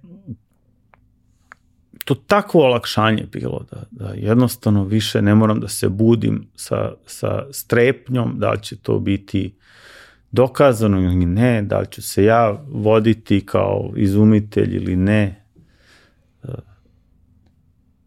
samo to. A, a daleko od onih triumfalnih pesnica i ne znam kakvog radovanja. Znate šta, to, to, to triumfalno radovanje, to može se desiti kad utakmica ili ono, padne gol, pa ne očekujete, pa je to naboj. Ali ovo je, ovo je bio sedmogodišnji rad, mučenje, mučenje, mučenje, mrcvarenje. U jednom trenutku nam je čak patent bio i poništen.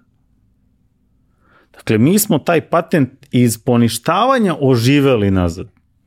A, opet to je bio strategijski neki, to je bio korak na koji su se usudili advokati, jer je protivnička strana krenula u poništavanje patenta. I mi smo imali opciju da se suočimo sa protivničkom stranom i onda se borimo pred, uh, uh, uh, pred patent ofisom ili da pustimo da nam obore patent, a onda bez, protiv, bez protivničke strane da ga oživimo. Ali to je rizik. Ako ne uspete da ga oživite, onda ode ceo patent, a, ali eto, advokati su imali poverenja da ćemo uspeti da ga oživimo. Samo istinom. filmska priča. Da, filmska ali, priča. Bukvalno filmska priča. A, e, da li je fakultet imao neku ulogu tokom tog procesa? Da. Da. Mislim, pa, fakultet, advokati su bili advokatska kuća, fakultet je doneo odluku da se uđe u proces. Ući u jedan ovakav proces uh, zahteva uh, mnogo novca. Sama sama analiza da li uopšte da li uopšte se upustiti u taj proces je koštala pola miliona dolara. Dakle, analiza procene da li imamo šanse da dobijemo uh, proces. Da li je to izum vredan, koliko je vredan i koliko će protivnička strana moći da, da plati. Jer ne bi univerzitet ušao u taj proces da se ispostavilo da, taj, da, ta, da je vrednost patenta, hajde da kažemo, samo 3 miliona dolara. Za 3 miliona dolara, uh, pazite, samo procena da li ući u patent košta pola miliona dolara. 3 miliona dolara će vas koštati advokati u jednom uh, periodu od 5 godina rada. Samo advokati će koštati uh, 3 miliona go, uh, dolara za 5 godina rada. Ako vas ceo proces, ako celog procesa možete inkasirate 3 miliona dolara i svih tih 3 miliona dolara ćete proslediti advokatima, tu jednostavno da nema nema zašto ulaziti u, u, u proces. Dakle, univerzitet je morao da prođe kroz jedan uh, period odlučivanja iz koga su odstranili nas izumitelje, da ne bismo navijali da ne bismo nepristrasno navijali za svoj izum, jer svaki izumitelj želi da se bori, se bori i da, da tom svom univerzitetu kaže ajte borite se za mene.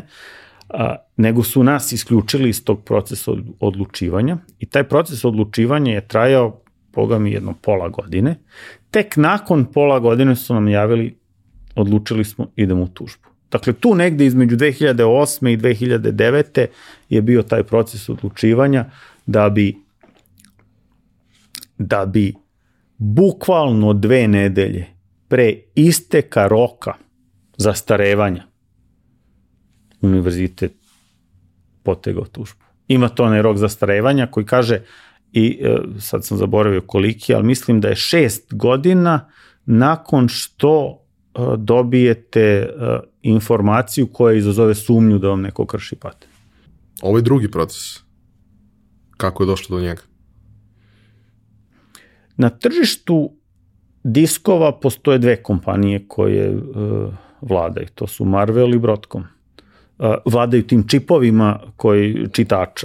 Inače, same, sami, sami diskovi možda ima jedno 3-4 kompanije koje prave diskove, ali čitače prave dve kompanije, to su Marvel i Broadcom. Marvel ima veći udeo na tržištu, Broadcom manji. Na tržištu samo ti komponenti, inače Broadcom je mnogo, mnogo veća firma. A, proces, samim tim je i proces protiv Broadcoma mnogo teži E, zato što veća firma ima veće resurse uh, uh, i, i uh, još ima još jednu prednost Broadcom, a to je da im vide koje su greške pravi, koje greške pravio Marvel, pa neće ponoviti iste greške. Tako da je ovaj proces uh, protiv Broadcoma, uh, da kažemo, duplo teži. I evo ga već je trajao 2018. a sada je 23. Dakle, već pet godina mi nismo došli ni do porate. Koliko traje patent? 20 godina. Što znači da je on istekao? Uh, patent je istekao, ali vi možete tužiti unazad za kršenje uh, tokom tih 20. Tokom tih 20 godina. Tako da uh, 2018. godine uh, je da 2018. ili 19. je isticao patent. Sad ne znam tačno kad je kad je 20 godina. Mislim da je tačno 2018. isticao patent, ali u tom trenutku je podignuta tužba za 6 godina unazad. To je upravo onih 6 godina uh, o kojima smo govorili. Uh, da, 20 godina. I to je jako dobar sistem. Znate, Nakon toga vi dalje sno, imate sva prava i sve, ali jednostavno više nije neophodno platiti za upotrebu toga. Patentska in, i intelektualna svojina je jako dobro postavljena. Uh, da je nema, svaki izumitelj bi ljubomorno čuvao sve svoje izume. Ne bi objavljivo i to ne bi dovelo do, do uh, proliferacije ili napretka uh, tehnologije. Ovako, vi dajete podsticaj izumitelju da svoj izum stavi na papir i onda mu date garanciju da za tih 20 godina izumitelj ima pravo da um, eksploatiše taj svoj patent. Ima ekskluzivno pravo da eksploatiše taj svoj patent. Ili da napravi sam taj aparatus ili da, da nekome proda ili da nekog drugog pouči kako da, da napravi. U svakom slučaju, 20 godina je dato izumitelju da on ima ekskluzivno pravo da, da raspolaže tim patentom. Nakon tih 20 godina, sve što piše u tom patentu postaje intelektualna svojina homo sapiensa. Što je jako, jako dobro. To je podstrek izumitelju da sve što zna stavi na papir, jer da toga nema, mnogi izumitelji bi u grob otišli sa svojim znanjima, jer, jer bi ljubomorno čuvali to što znaju, da im neko ne bi to ukrao. I sad uh, godinu dana odmora, pauze, razmišljanja, šta dalje i u kom trenutku kreće da se krčka ideja po kojoj vas svi znamo ovde prethodnih godina? Pa recimo godinu dana, pa hajde, godinu dana je bilo plandovanja. Malo putovanja po svetu, malo ovde. Rodila nam se još jedna čerka a, 2017. I onda već 18. sam rekao, ajde sad dosta, sad ajmo nazad imaš svoju profesiju, radiš to što radiš, inženjer si, treba da ideš nazad da predaješ, ali nisam se tome posvetio, ne znam kako um, revnostno da, da tražim zaposlenja na univerzitetima, ofrlje sam to radio. A uhvatio sam sebe da mnogo vremena trošim na gledanje vesti iz Srbije, na gledanje ovakvih podcasta, na, na nešto me je tu vuklo da vidim šta se, šta se dešava i povuklo me je da razmišljam kako popraviti obrazovni sistem u Srbiji. Uh, viđao sam čak i prenose iz Skupštine, tada je, tada je u Skupštini bila, to nije stranka, to je pokret građana, dosta je bilo, uh, Saša Radulović je i, i Branka Stamenković dosta su govorili o, o obrazovnom sistemu, o besplatnim učbenicima, kako to država treba da pokrije. I negde u meni se tada 2019. E, rodila ideja, e, ovde mož, mogu da pomognem. Ali samo da vratim film unazad. Fondaciju smo u Americi osnovali 2017 i već 2017. smo iz fondacije poklonili neka sredstva univerzitetima u Americi i obrazovnim institucijama, naučnim institucijama u Americi. Fondacija je osnovana sa ciljem da promoviše obrazovanje i nauku. Ali u Srbiji mi nije nikako bilo jasno šta, kako to napraviti, a da, a da a korist od toga ima generalno stanovništvo. A ne, ne da to bude stipendija pojedincu. Jer od stipendije praktično ima korist pojedinac, a da kažem da već ima toliko stipendija po svetu da uh, pogotovo iz tehničkih uh, nauka može da se dobije stipendija relativno lako. I onda mi je uh, sinulo da jednostavno mi te knjige možemo staviti na internet i da na taj način budu besplatne. Jer sve što je na internetu može svako da pročita. Uglavnom ljudi imaju mobilne telefone, to je sad sasvim dostupno. I, i to je bila ideja sa kojom sam otišao i kod Saše Radulovića, da kažem, evo, i on je elektroinženjer. I, i, i rekao sam, evo to ovako može se srediti, mislim, što, što se mi što se trvete tamo u skupštini, što se svađate, nego to treba uraditi i napraviti, gotovo, gotova priča. A, I on se složio, ali kao nije bilo moment, izbori idu, uvek nešto je bilo, dobro, ajde, sačekat ćemo izbore, na tim izborima je dosta je bilo doživo fijasko, a onda nakon tog fijaska nije više ni bilo volje.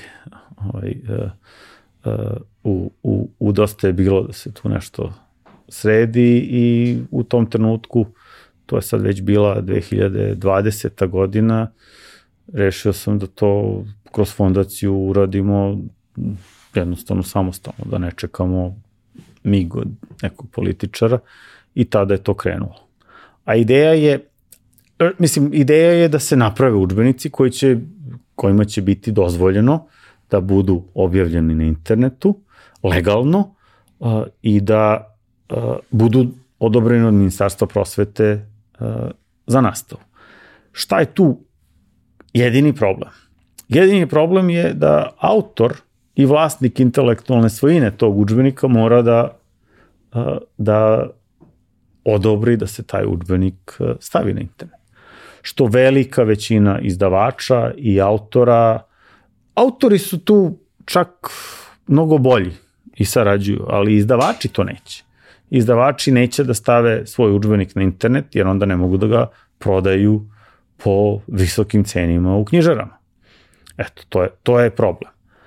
A i to je sad problem s kojim smo se mi suočili ne samo uh, uh, ne samo što uh, uh, što je to problem intelektualne svojine, to je sad problem sa izdavačima, jer je to razbijanje koncepta uh, jednog, jednog biznisa koji se zasniva na, na tome da vi imate obavezu da idete u školu, vi imate praktično obavezu da kupujete te učbenike kao roditelji, a cenu ne možete da birate na slobodnom tržištu. Je li tako? Što, što je, što je absurd. Ja se sećam u, u vreme kada sam ja išao, da je suštinski, da su svi učbenici koje smo mi imali bili iz Zavoda za učbenike i svi smo imali iste učbenike. Dešavalo se da neko ko je nasledio od braće sestara ima drugačije korice, jer se korice promenile i da postoji možda neka minimalna razlika unutra, ali nasleđivali su se uredno učbenici godinama, oni su bili isti i jedino čega se sećam, a i to mislim da, da su isto bili zvanični učbenici, ali smo imali nekakve dodatne materijale jer je bilo nam bitno, to je da smo iz engleskog jezika imali još neke stvari, da smo iz matematike mogli da kupimo dodatne zbirke sa zadacima i razne neke stvari koje su bile izvan onoga što je obavezna literatura, mislim, te dodatne zbirke sa zadacima su i uzimali najbolji učenici koji su hteli da vežbaju ili one za pripreme za takmičenja i slične stvari. To je bilo pre, da kažem, 20 i neku godinu. E sad, mi što nemamo školsku decu, Mi ne znamo kako to tržište sada izgleda. Ono što smo čuli je, da kažemo, iz medija, iz iskustva prijatelja i svega ostalog, da je to neki izdatak koji je red veličine stotinak eura za svaku godinu za, za dete i da, koliko sam ja to shvatio, na nivou škole, na nivou nastavnika se određuje čiji će se učbenik koristiti za njihov predmet, a da je sad izbor učbenika za isti predmet dosta veći, da ih zapravo ima da izdavača ima dosta, ali da su neki, da kažem, dominantni tu ovaj, po, po svojoj učestalosti i popularnosti. Kako izgleda zapravo tržište? Dotakli ste mnogo tema. Hajmo prvo da se vratimo na to kako je to izgledalo. Hajde, ja ću pre 40 godina, kad sam ja imao 15 godina. Učbenici su bili svi od zavoda i bili su dostupni. Nisu naši roditelji morali da potroše pola svoje plate na, na, na učbenike, nego eto, od, ode se, možda to bilo 5%, 10% plate, ali je moglo da se to kupi i priušti. A, danas pravu ste. Učbenici, rekli ste, koštaju oko stotinjak evra. To je ako ste od prvog do četvrtog ako vam je đak od prvog do četvrtog. Ako je od petog do osmog, tu već košta i oko 200 evra. Pa sad vi vidite, ako, ako imate dva takva đaka, od petog do osmog, to vas košta 400 evra. To je već minimalac. To je čitava jedna plata jednog radnika našeg sudržavljana koji eto nema tu privilegiju da radi za, za veću, veću platu. Ako ćemo da pričamo ali, o tome o Srbiji, to je u Srbiji dobra plata. Tu u Beogradu nije, to se ali u, u Srbiji, Srbiji je računa dobra. kao plata koja, sa kojom niste socijalni slučaj. A kad niste socijalni slučaj, država vam neće pomoći da kupite udžbenike, a vi tog meseca morate tu platu potrošiti na Udžbenike. A to nije jedini trošak. A i onda ste, to nije, pa naravno treba i jesti, treba i struju platiti, treba se i obući Ne, čak ni za školu nije jedini trošak. Tako je. E sad, sad taj, a, a, a, dakle, to je, to je tih 400 evra a, koje roditelj mora, mora da plati. Jer nema izbora. Mora da đak da ide u, u, u osnovnu školu. A, to tako nije bilo pre 40 godina. I sada a, mi imamo jedan sistem imamo jedan sistem koji je moj sistem društveni, državni, sve koji je praktično u rasulu. Ja, ja vidim da je ovo nekakvo rasulo, čak evo i ovi protesti nedeljni, svake nedelje, svakog vikenda su protesti.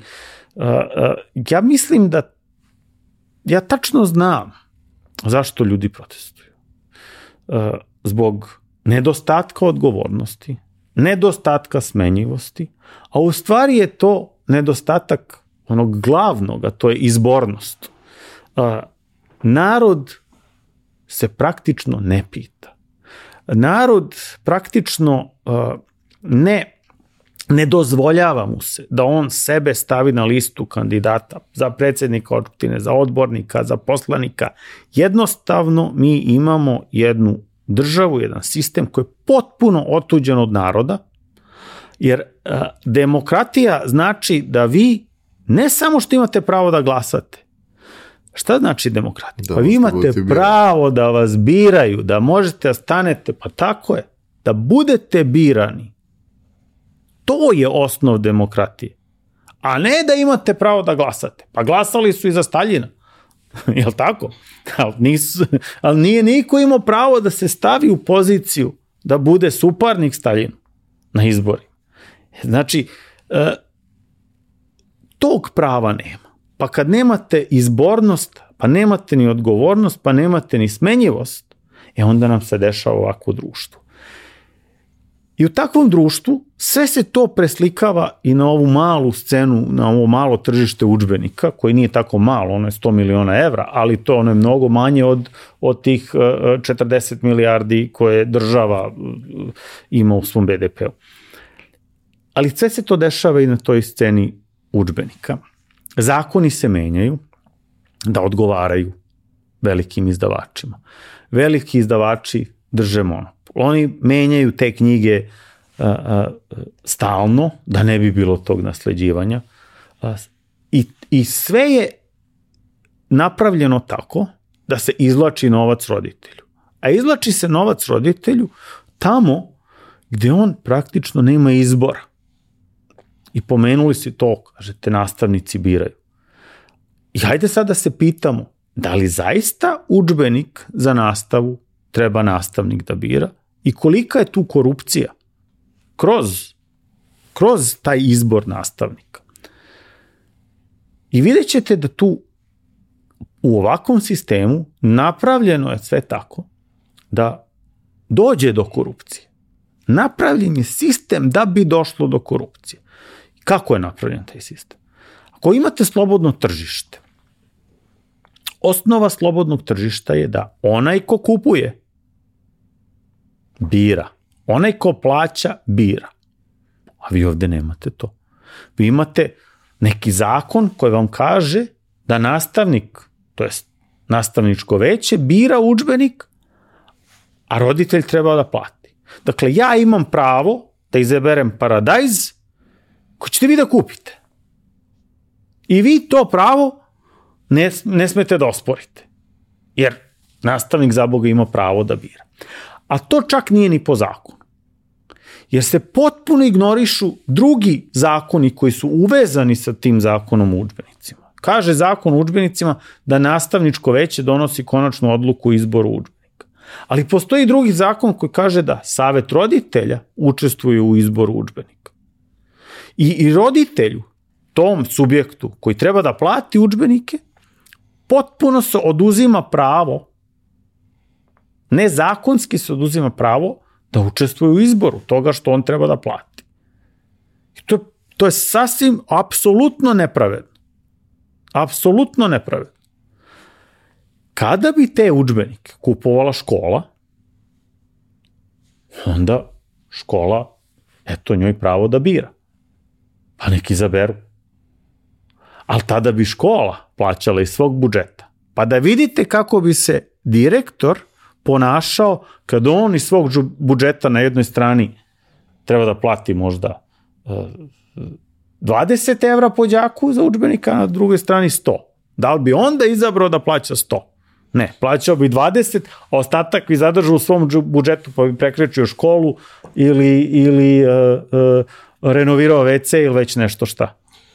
I postoji i taj moment koji je počeo već u, u moje vreme da se dešava, što meni nije bilo problem, pošto sam uvijek bio krupno i, i, i snažno dete i sve, ali taj moment gde smo mi zapravo već tada Uh, ja sam, ne znam, u osnovnoj školi poslednjih nekoliko godina nosio očev vojni ranac, zato što jedini on mogu da izdrži knjige, sveske i sve ostalo što sam nosio.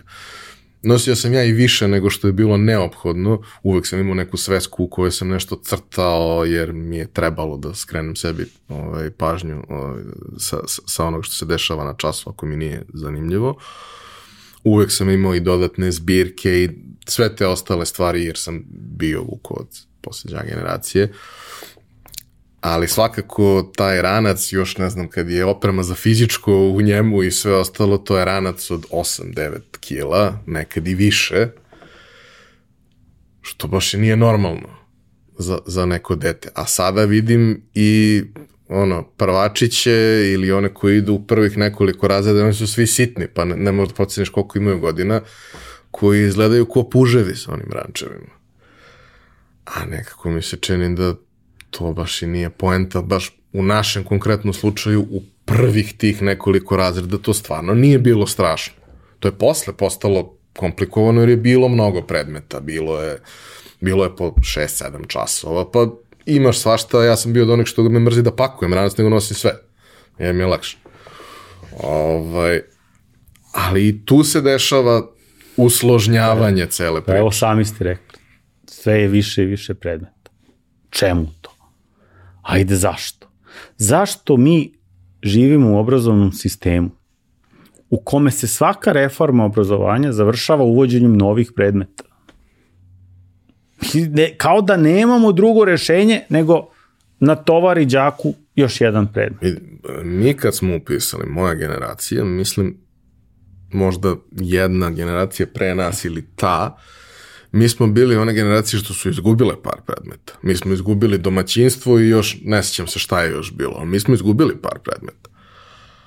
Ali nakon I onda toga je krenula lavina Evo, prvacima je uveden pa pre par godina novi predmet digitalni svet. Jedna potpuna besmislica. To ja odgovorno kažem, iako je to moja struka, ali digitalni svet uvesti prvacima, gde će oni iz učbenika učiti o kompjuterima, a ne znaju još ni da čitaju. A treba da otvore nekakav učbenik iz kog će da uče kako se radi na kompjuteru, pa čekajte ljudi.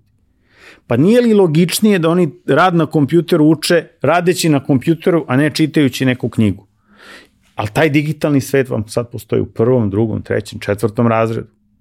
Potpuna ajde da, da ne vređam ljude koji su to uveli, ali nonsens, da ne nazovem nekakvim drugim imenom. I zašto to radimo? Zašto tovarimo toliko predmeta našim đacima?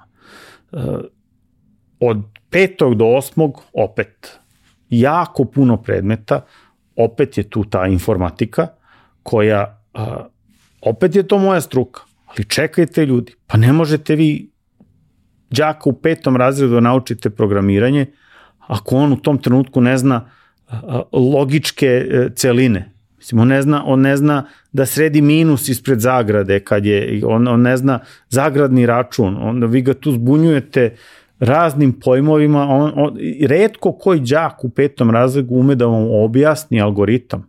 Algoritam rešavanja, postupak rešavanja deljenja. Dakle, podelite, ne znam, broj 15 sa, sa ajde, to je lako, nego 148 podelite sa, ne znam, 4 ili već kako, kako to radi đak. Ne zna da vam objasni. A ovamo predmet. Pa predmet tehnika i tehnologija. A čemu ljudi? Zašto? Tehnika i tehnologija u osmom razredu ima Teslin motor. Pa to ne može đak u osmom razredu da shvati. On ne zna sinusoidu, on ne zna šta je sinus, ne zna šta je sinusoida, a kamoli tri fazno pomerene sinusoide da obrću magnetno polje, on to sve vek, ba, nema, nema šanse, ali zašto mu to dajemo onda? I onda tako natovarimo neki, neki, neki, neki plan i program, ubacimo to u učbenike, iz tih učbenika đak samo može da buba Jer on, on samo, jedino što može da na pamet nauči šta je tu napisano, od reči do reči o Teslinom motoru i da to prežvaće i odgovori. Jer druge, druge, drugog načina nema da to, da to stvari. Mislim, ne, i, to, i to radimo iz godine u godinu nove predmete, a, to doprinosi tim sve težim torbama, a rezultati su potpuno suprotni. Mi ovo radimo već 20 godina, a, a, a, a rezultati koje naša deca postižu sve loš, su sve loši. I, I nije li vreme da malo povučemo ručnu, pa ne samo povučemo ručnu, malo da odemo u rikverc i da se rasteretimo tih predmeta.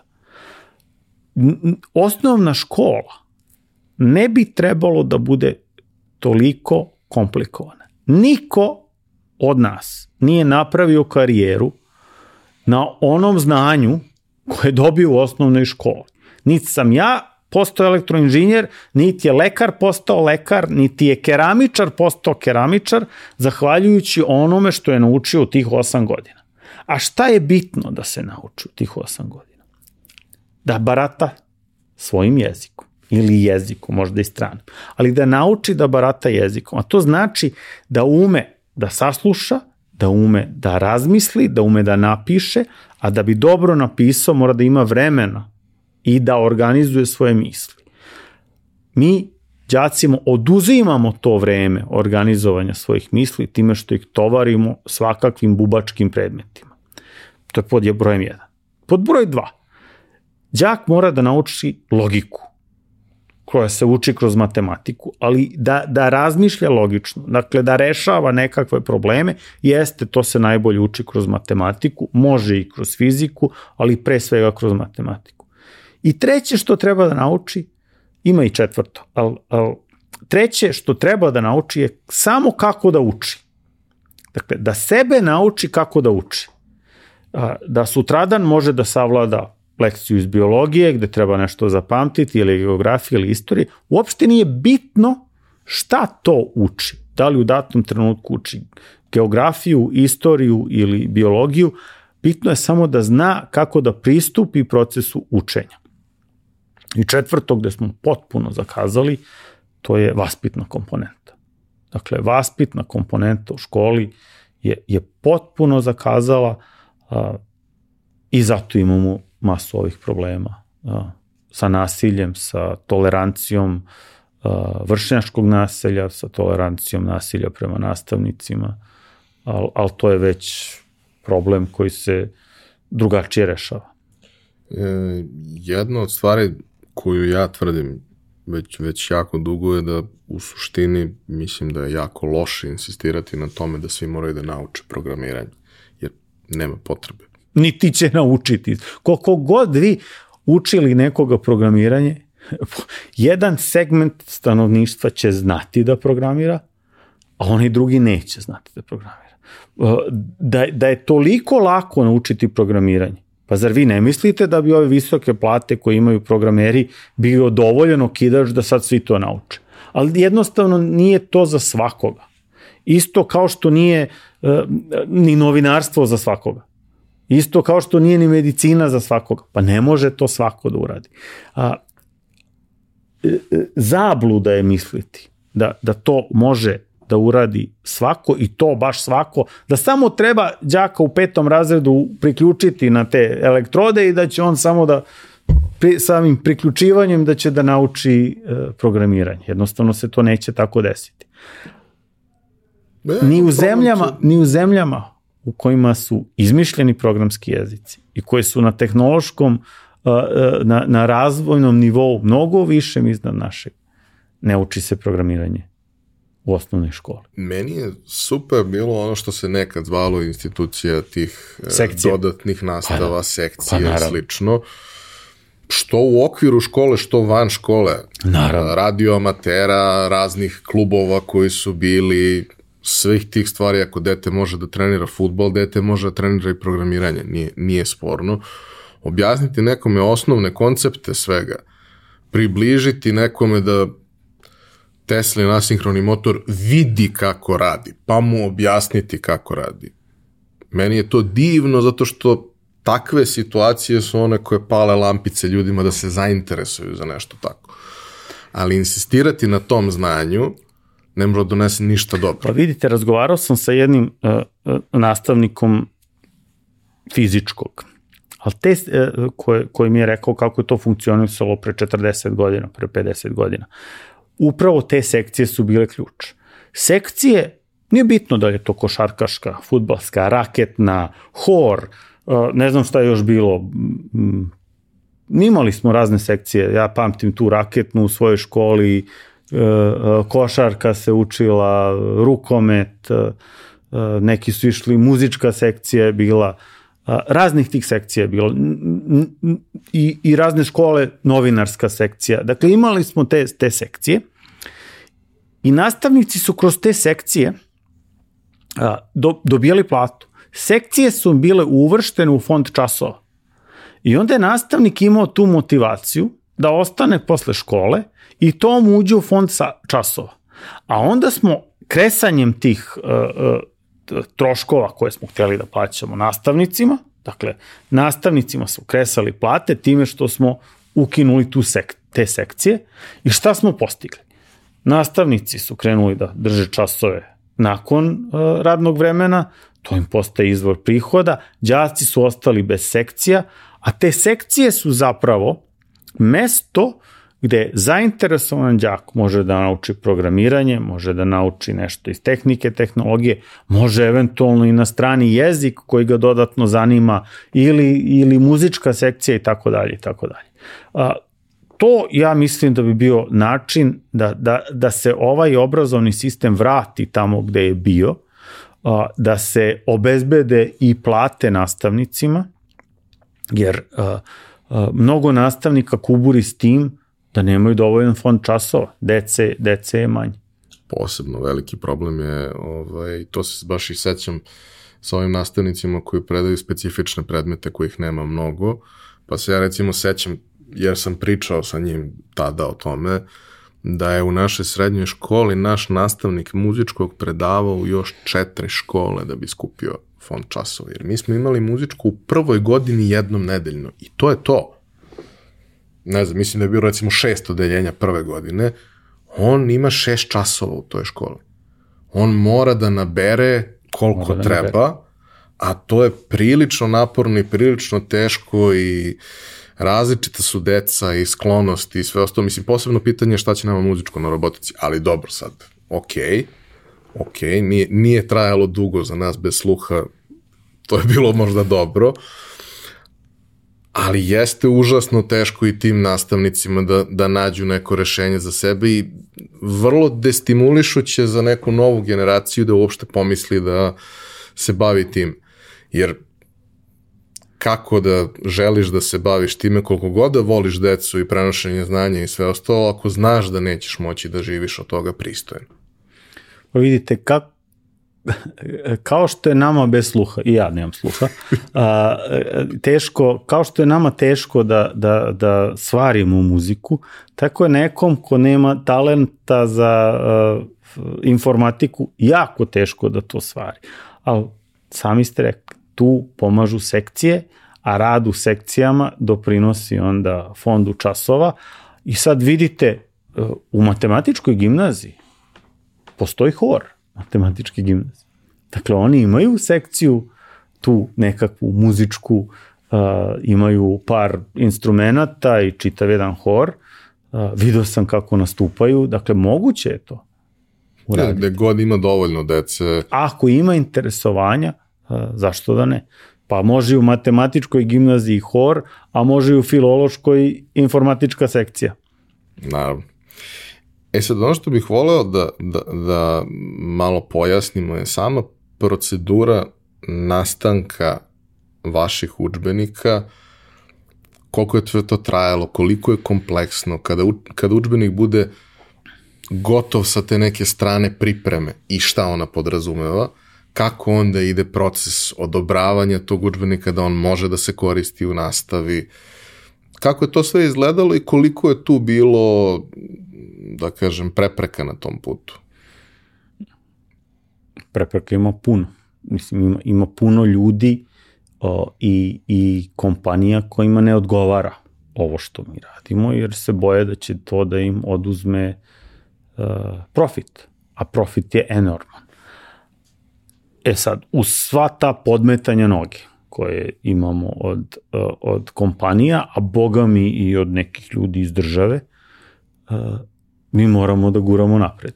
A, počinje sve tako što se uh, nađe urednik nekog programa, pa sad imate urednika od prvog do četvrtog ili od petog do osmog, možda imate i urednika za strane jezike, ali morate imati urednika koji onda krene da uh, zove potencijalne autore i ugovara pisanje rukopisa.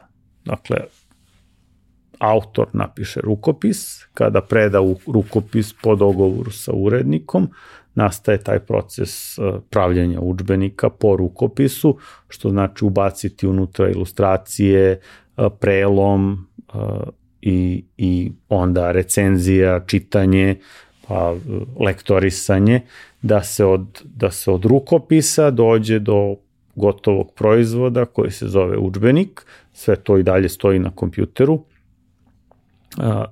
koji treba onda da zadovolji kriterijume Ministarstva prosvete da bude odobren za nastavu.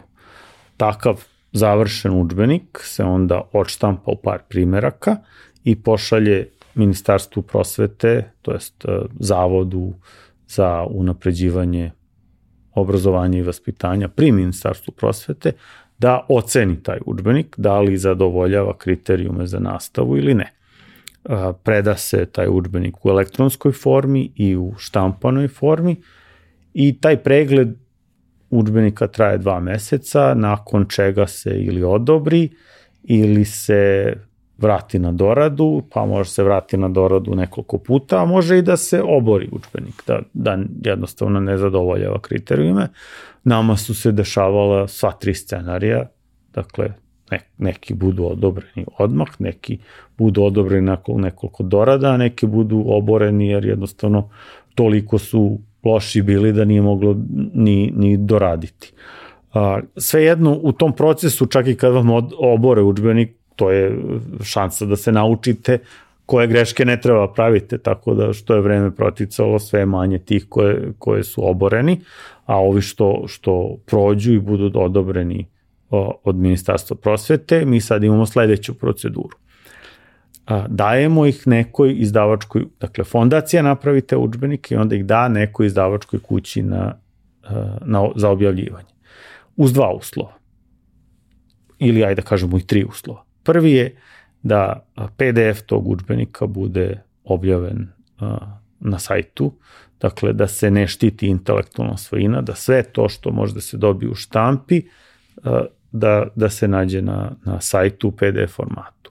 Drugi uslov je da se interaktivan udžbenik napravi. To je sad onaj udžbenik koji je takođe na sajtu, ali na klik može da se otvori neki video materijal ili neka animacija ili neki zadatak i da đak rešava te zadatke pa bude ocenjen. Dakle, testovi interaktivni i to da bude a, besplatno dostupno na internetu.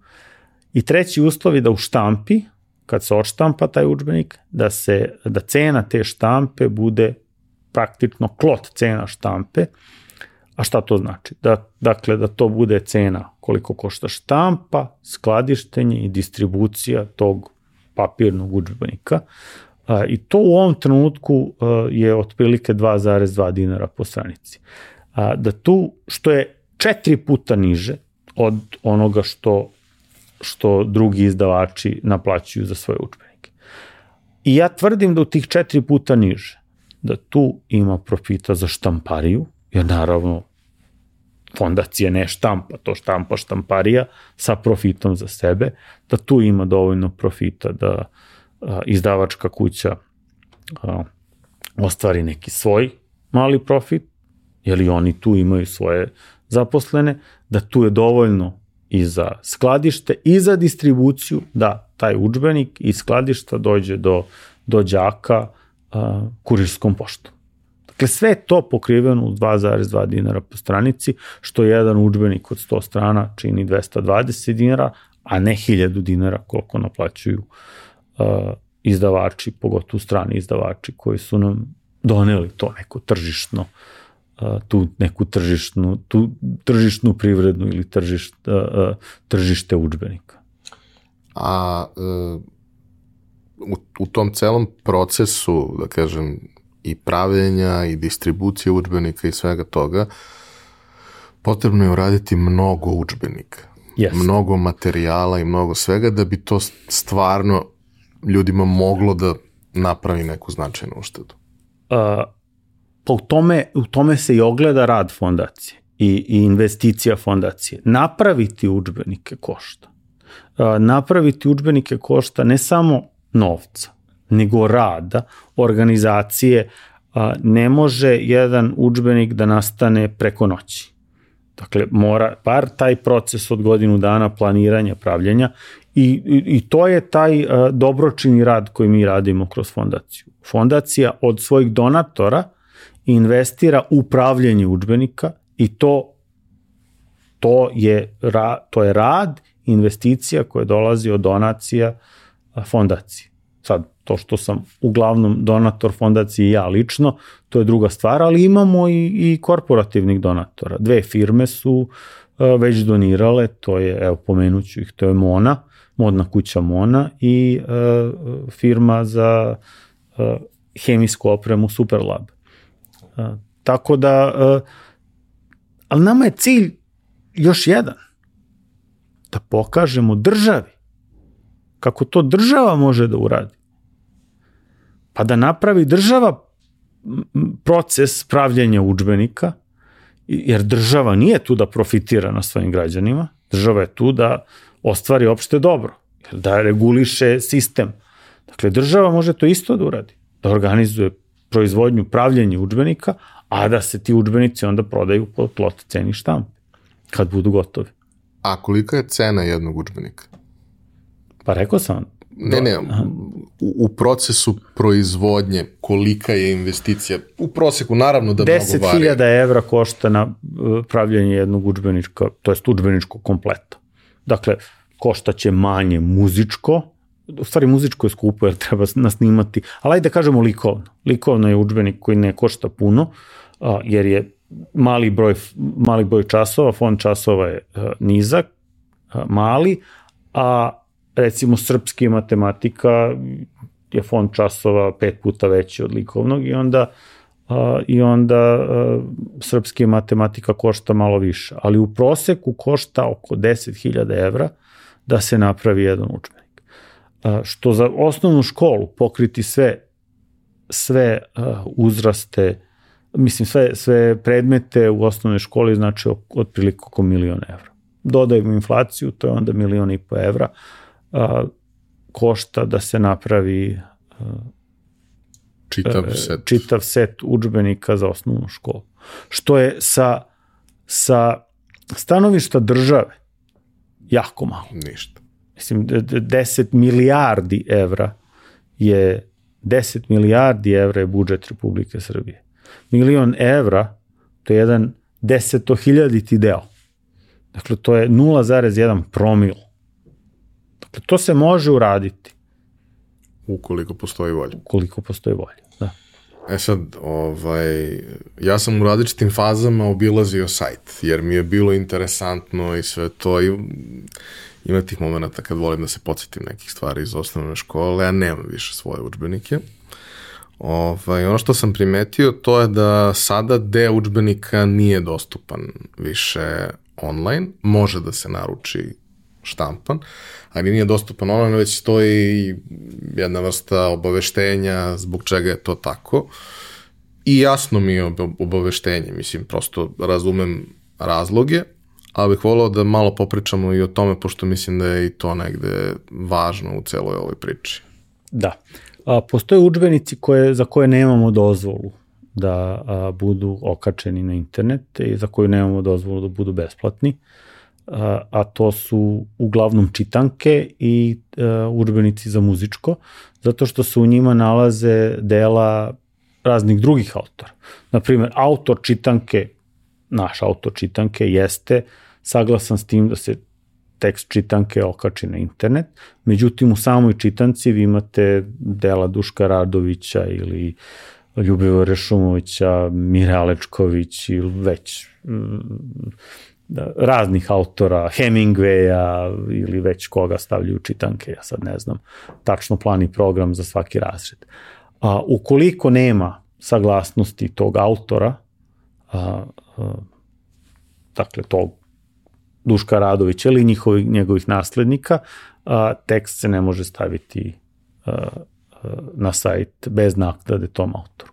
Tako da u tim slučajevima nemamo izbora, nego jedini način da se taj učbenik dobije, kao što je na primjer čitanka, a, jeste da, da a, se kupi štampano izdanje za koje, za koje ti a, autori, kao što Duško Radović, Rašumović, dobijaju naknadu. Za svaki prodati primerak, a, ti ljudi čija dela su u čitankama dobijaju naknadu. Da, da, to sam baš teo da pitam, a, da se to u tom slučaju ali, rešava.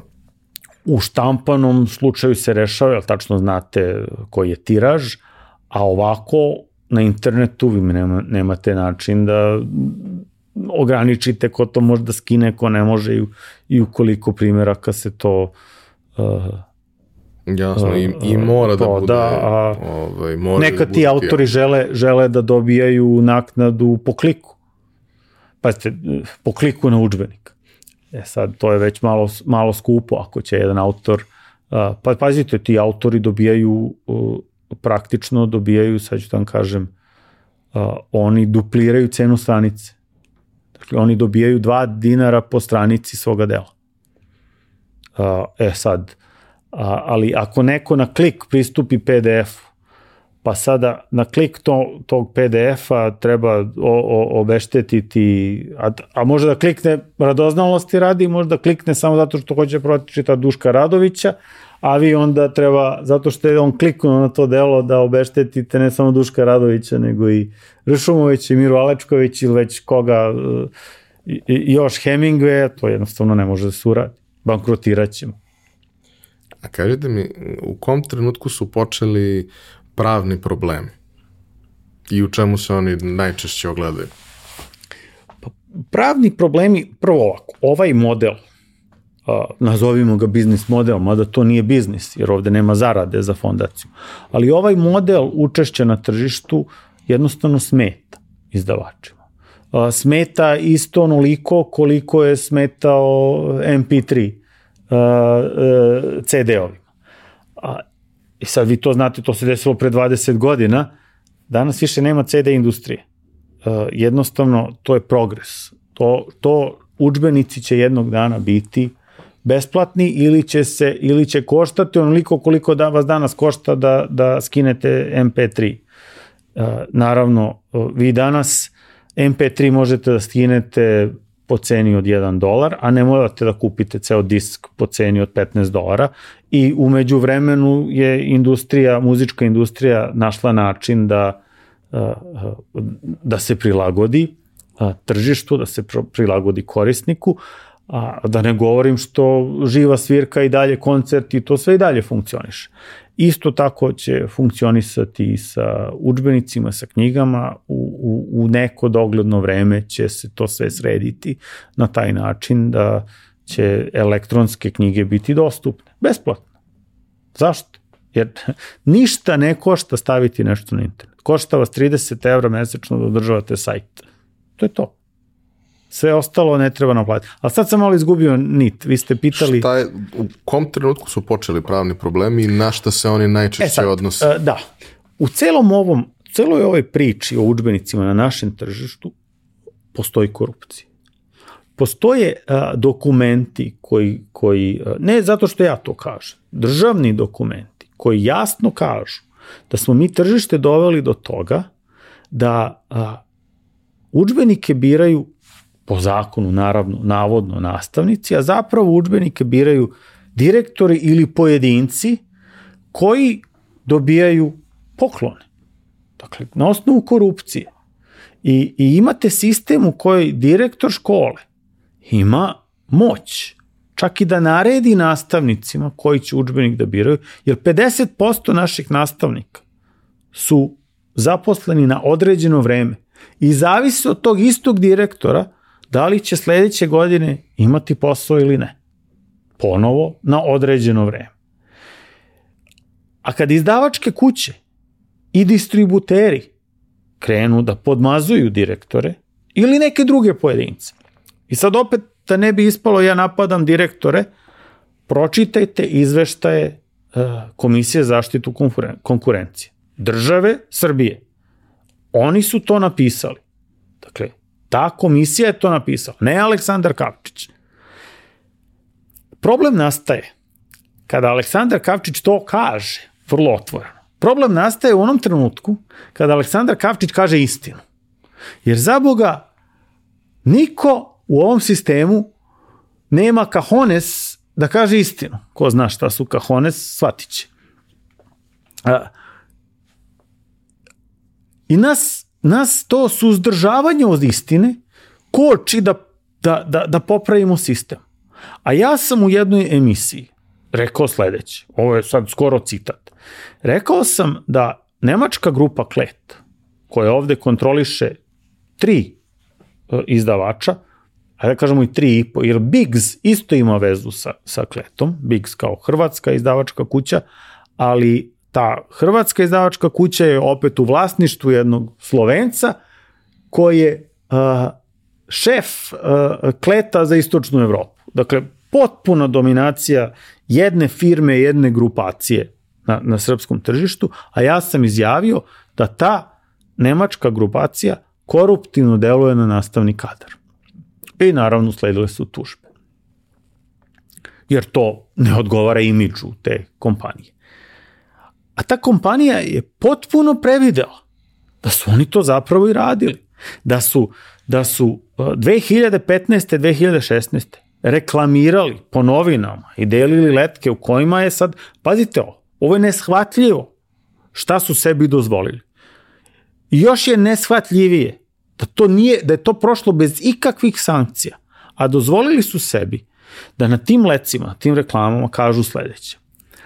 Učitelji, budite, pa sad pod nacima navodnika, klet učitelj. Budite klet učitelj, obezbedite 20 kompleta, to jest, to jest uvalite naših 20 kompleta kletovih roditeljima i dobit ćete tablet računar. To piše, to je pisani trag. To, to sad nije opet ono, ajde rekao Kavčić na, na, na televiziji lupio pa izmislio. To pisani trag. I ja sad Pazite, ja sad ne smem u sobstvenoj zemlji, u mojoj zemlji, Srbiji, tu sam rođen, u sred ovog grada Beograda, da kažem da je došla jedna strana kompanija i da koruptivno deluje na nastavnike, jer će oni, ta velika kompanija, mene da tuži.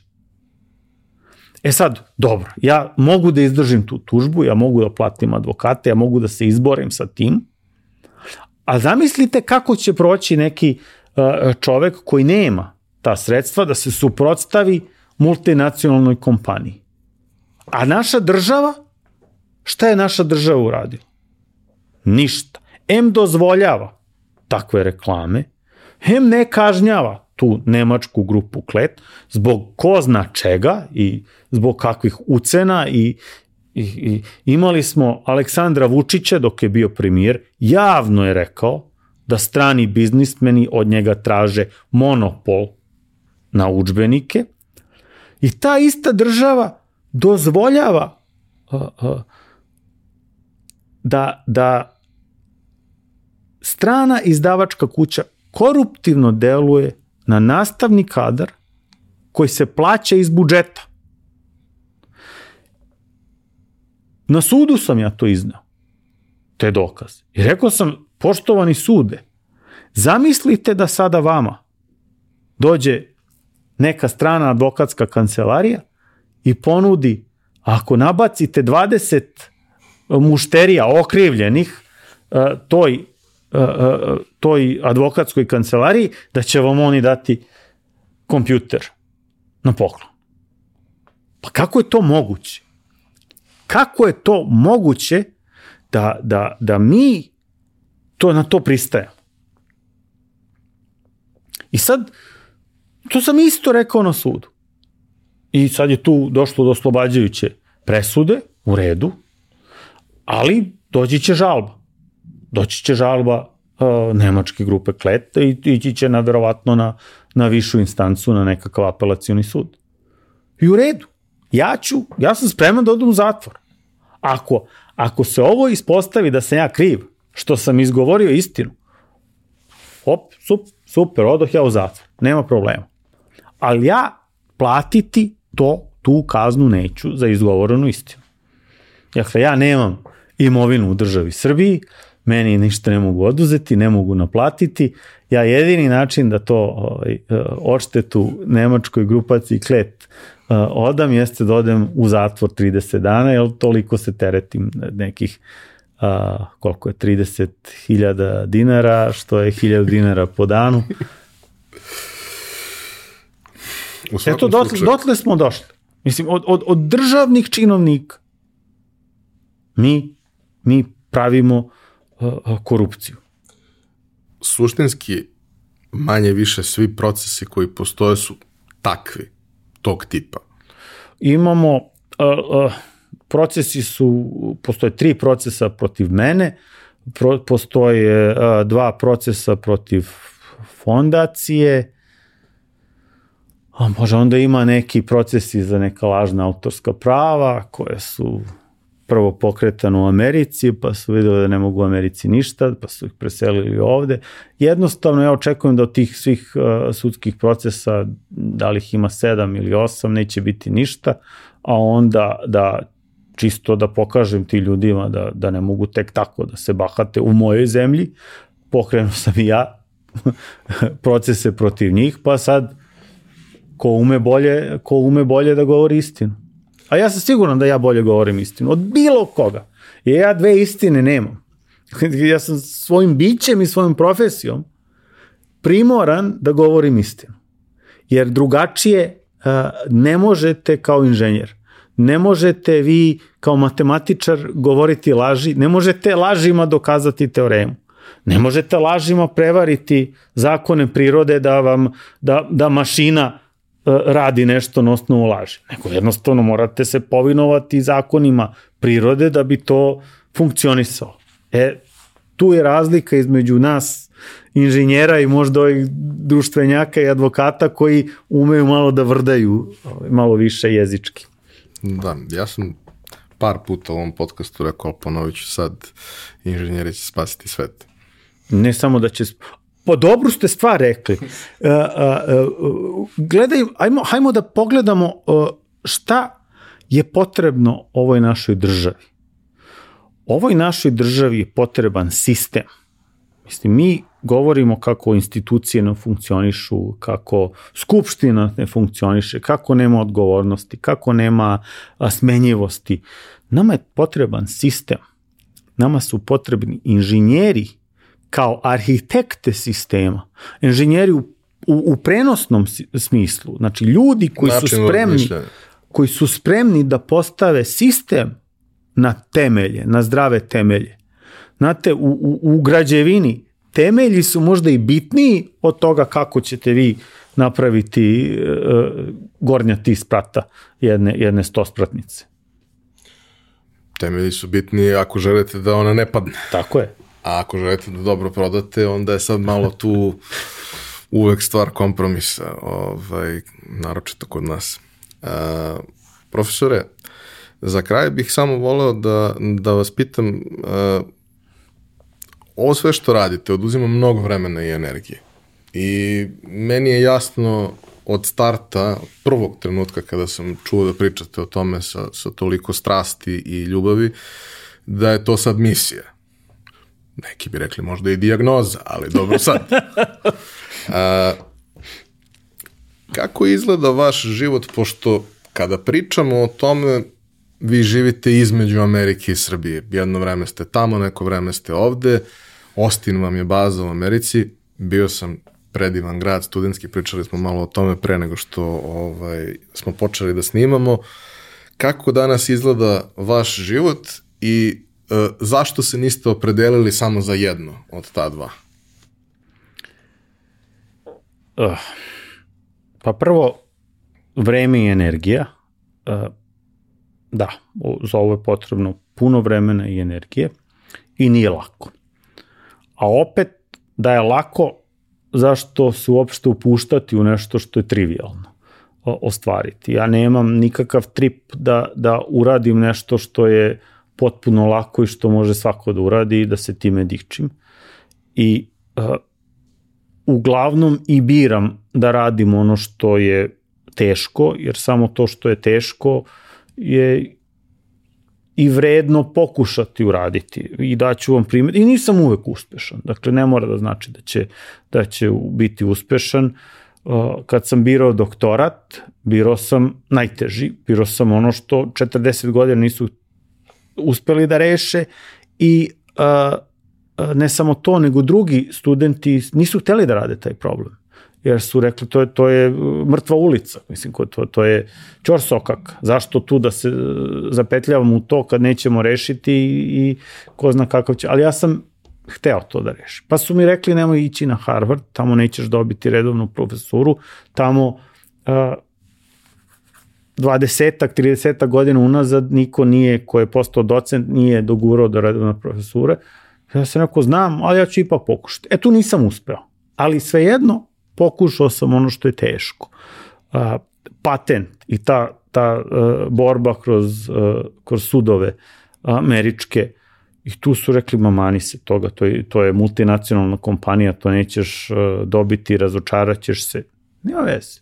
To, to što je teško, to je vredno truda i ovo, ja znam da je teško i, i ovo sa knjigama je teško, I, ali vredno je truda.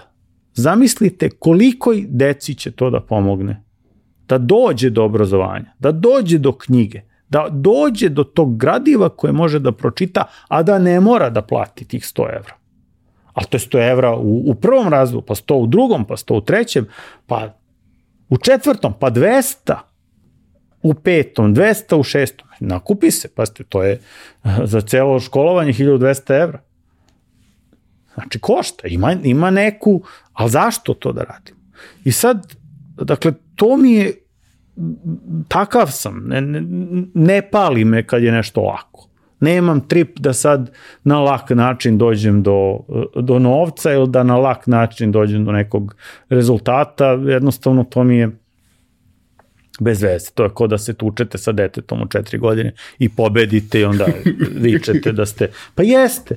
Mislim, hoćeš da pobedu da ostvariš, uhvati se s nekim ko je jači od tebe, pa, makar pa budi... Isti. Ili makar isti, pa da. A, e sad, a, a, relacija Austin-Beograd, tako se ispostavilo. Jedno dve godine, te dve godine kada sam, da kažem, plandovao, bili smo bazirani ovde u Beogradu i shvatili smo da uh, nam deca na ovaj način neće dobiti uh, dobro obrazovanje. Naša deca su krenula u Americi, tamo su rođena, onda smo ovde imali opciju da li srpska škola, da li američka škola. U jednom trenutku smo rekli, ajde na pola godine da se vratimo u Ameriku da vidimo kako to funkcioniše. Uh, shvatili smo da tamo uh, i ova američka škola u Srbiji u Beogradu, čak i kad idu u tu školu američku u Beogradu, tu ne dobijaju dobro obrazovanje, da ta američka škola u Beogradu kasni za, za školom u, u Americi i postoje razlozi zašto je to tako. I onda smo rekli, ok, gde, gde mislimo da treba deca da nastave svoje školovanje i odlučili smo se da to, da to bude uh, u, u Americi, ali smo pažljivo birali gde ćemo da se preselimo zbog raznih faktora. Uh, sad ja živim na relaciji uh, Beograd-Ostin, naporno je, najviše mi je naporno što se, što, što nisam sa porodicom, što nisam s decom, uh, zaboli nekad, kad, zaista zaboli. Mislim, čerke mi rastu, uh, već su devojke, a ja pola tog vremena nisam bio s njima, jednom su mi čak i rekle, tata ti više vremena provodiš u Srbiji, više vodiš računa o deci u Srbiji nego nam.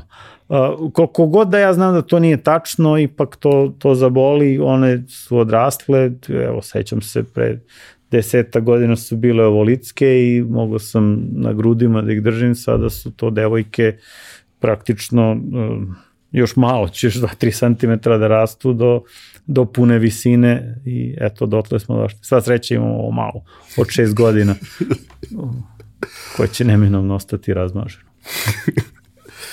Iako bih ja sad voleo da mi nastavimo u nedogled da pričamo, jer imamo još mnogo tema, mislim da smo uh, lepo zaokružili sve one najvažnije, pa možda bude prilike da, da nastavimo ovaj, u, u nekoj narednoj epizodi, dotaknemo se još nekih tema. Profesore, pre svega veliko hvala. Hvala za sve to što radite sa fondacijom, a hvala i e, lično od mene i svih uh, mojih prijatelja koji imaju decu školskog uzrasta ili decu koji će uskoro postati školarci na tome što pokušavate da napravite zaista jednu preko potrebnu promenu u našem obrazovnom sistemu i uopšte načinu na koji se neke stvari rade ovde. Mislim da je jako važno što smo ispričali celu priču i što smo onima koji su zainteresovali zapravo dali kontekst, jer naravno da svi uh, podržavaju, svi E, normalni, slobodno misleći ljudi podržavaju aktivnosti koje radite, ali mislim da je jako važno da objasnimo kako je došlo do toga, da ste zapravo došli u poziciju da se u nekim najboljim godinama bavite ovakvim aktivnostima, a za tako nešto je bilo potrebno raditi sve ono prethodno, a to je mnogo znanja, mnogo rada, mnogo borbe, mnogo borbe možda u okolnostima u kojima nije izvesno da ćeš pobediti jer se boriš protiv većeg i jačeg od sebe – I upravo zbog toga mislim da je ova priča izuzetno dragocena, jer dokazuje da e, znanje i rad imaju smisla i da se isplate i da mali, ako je u pravu, u jednom uređenom društvu može da pobedi mnogo većeg. U svakom slučaju, hvala vam puno za, za uh, gostovanje i priču. Hvala vama svima što ste nas slušali. Nadam se da vam je bilo interesantno. A, besplatne užbenike možete pronaći na sajtu fondacije, fondacije Alek Kavčić.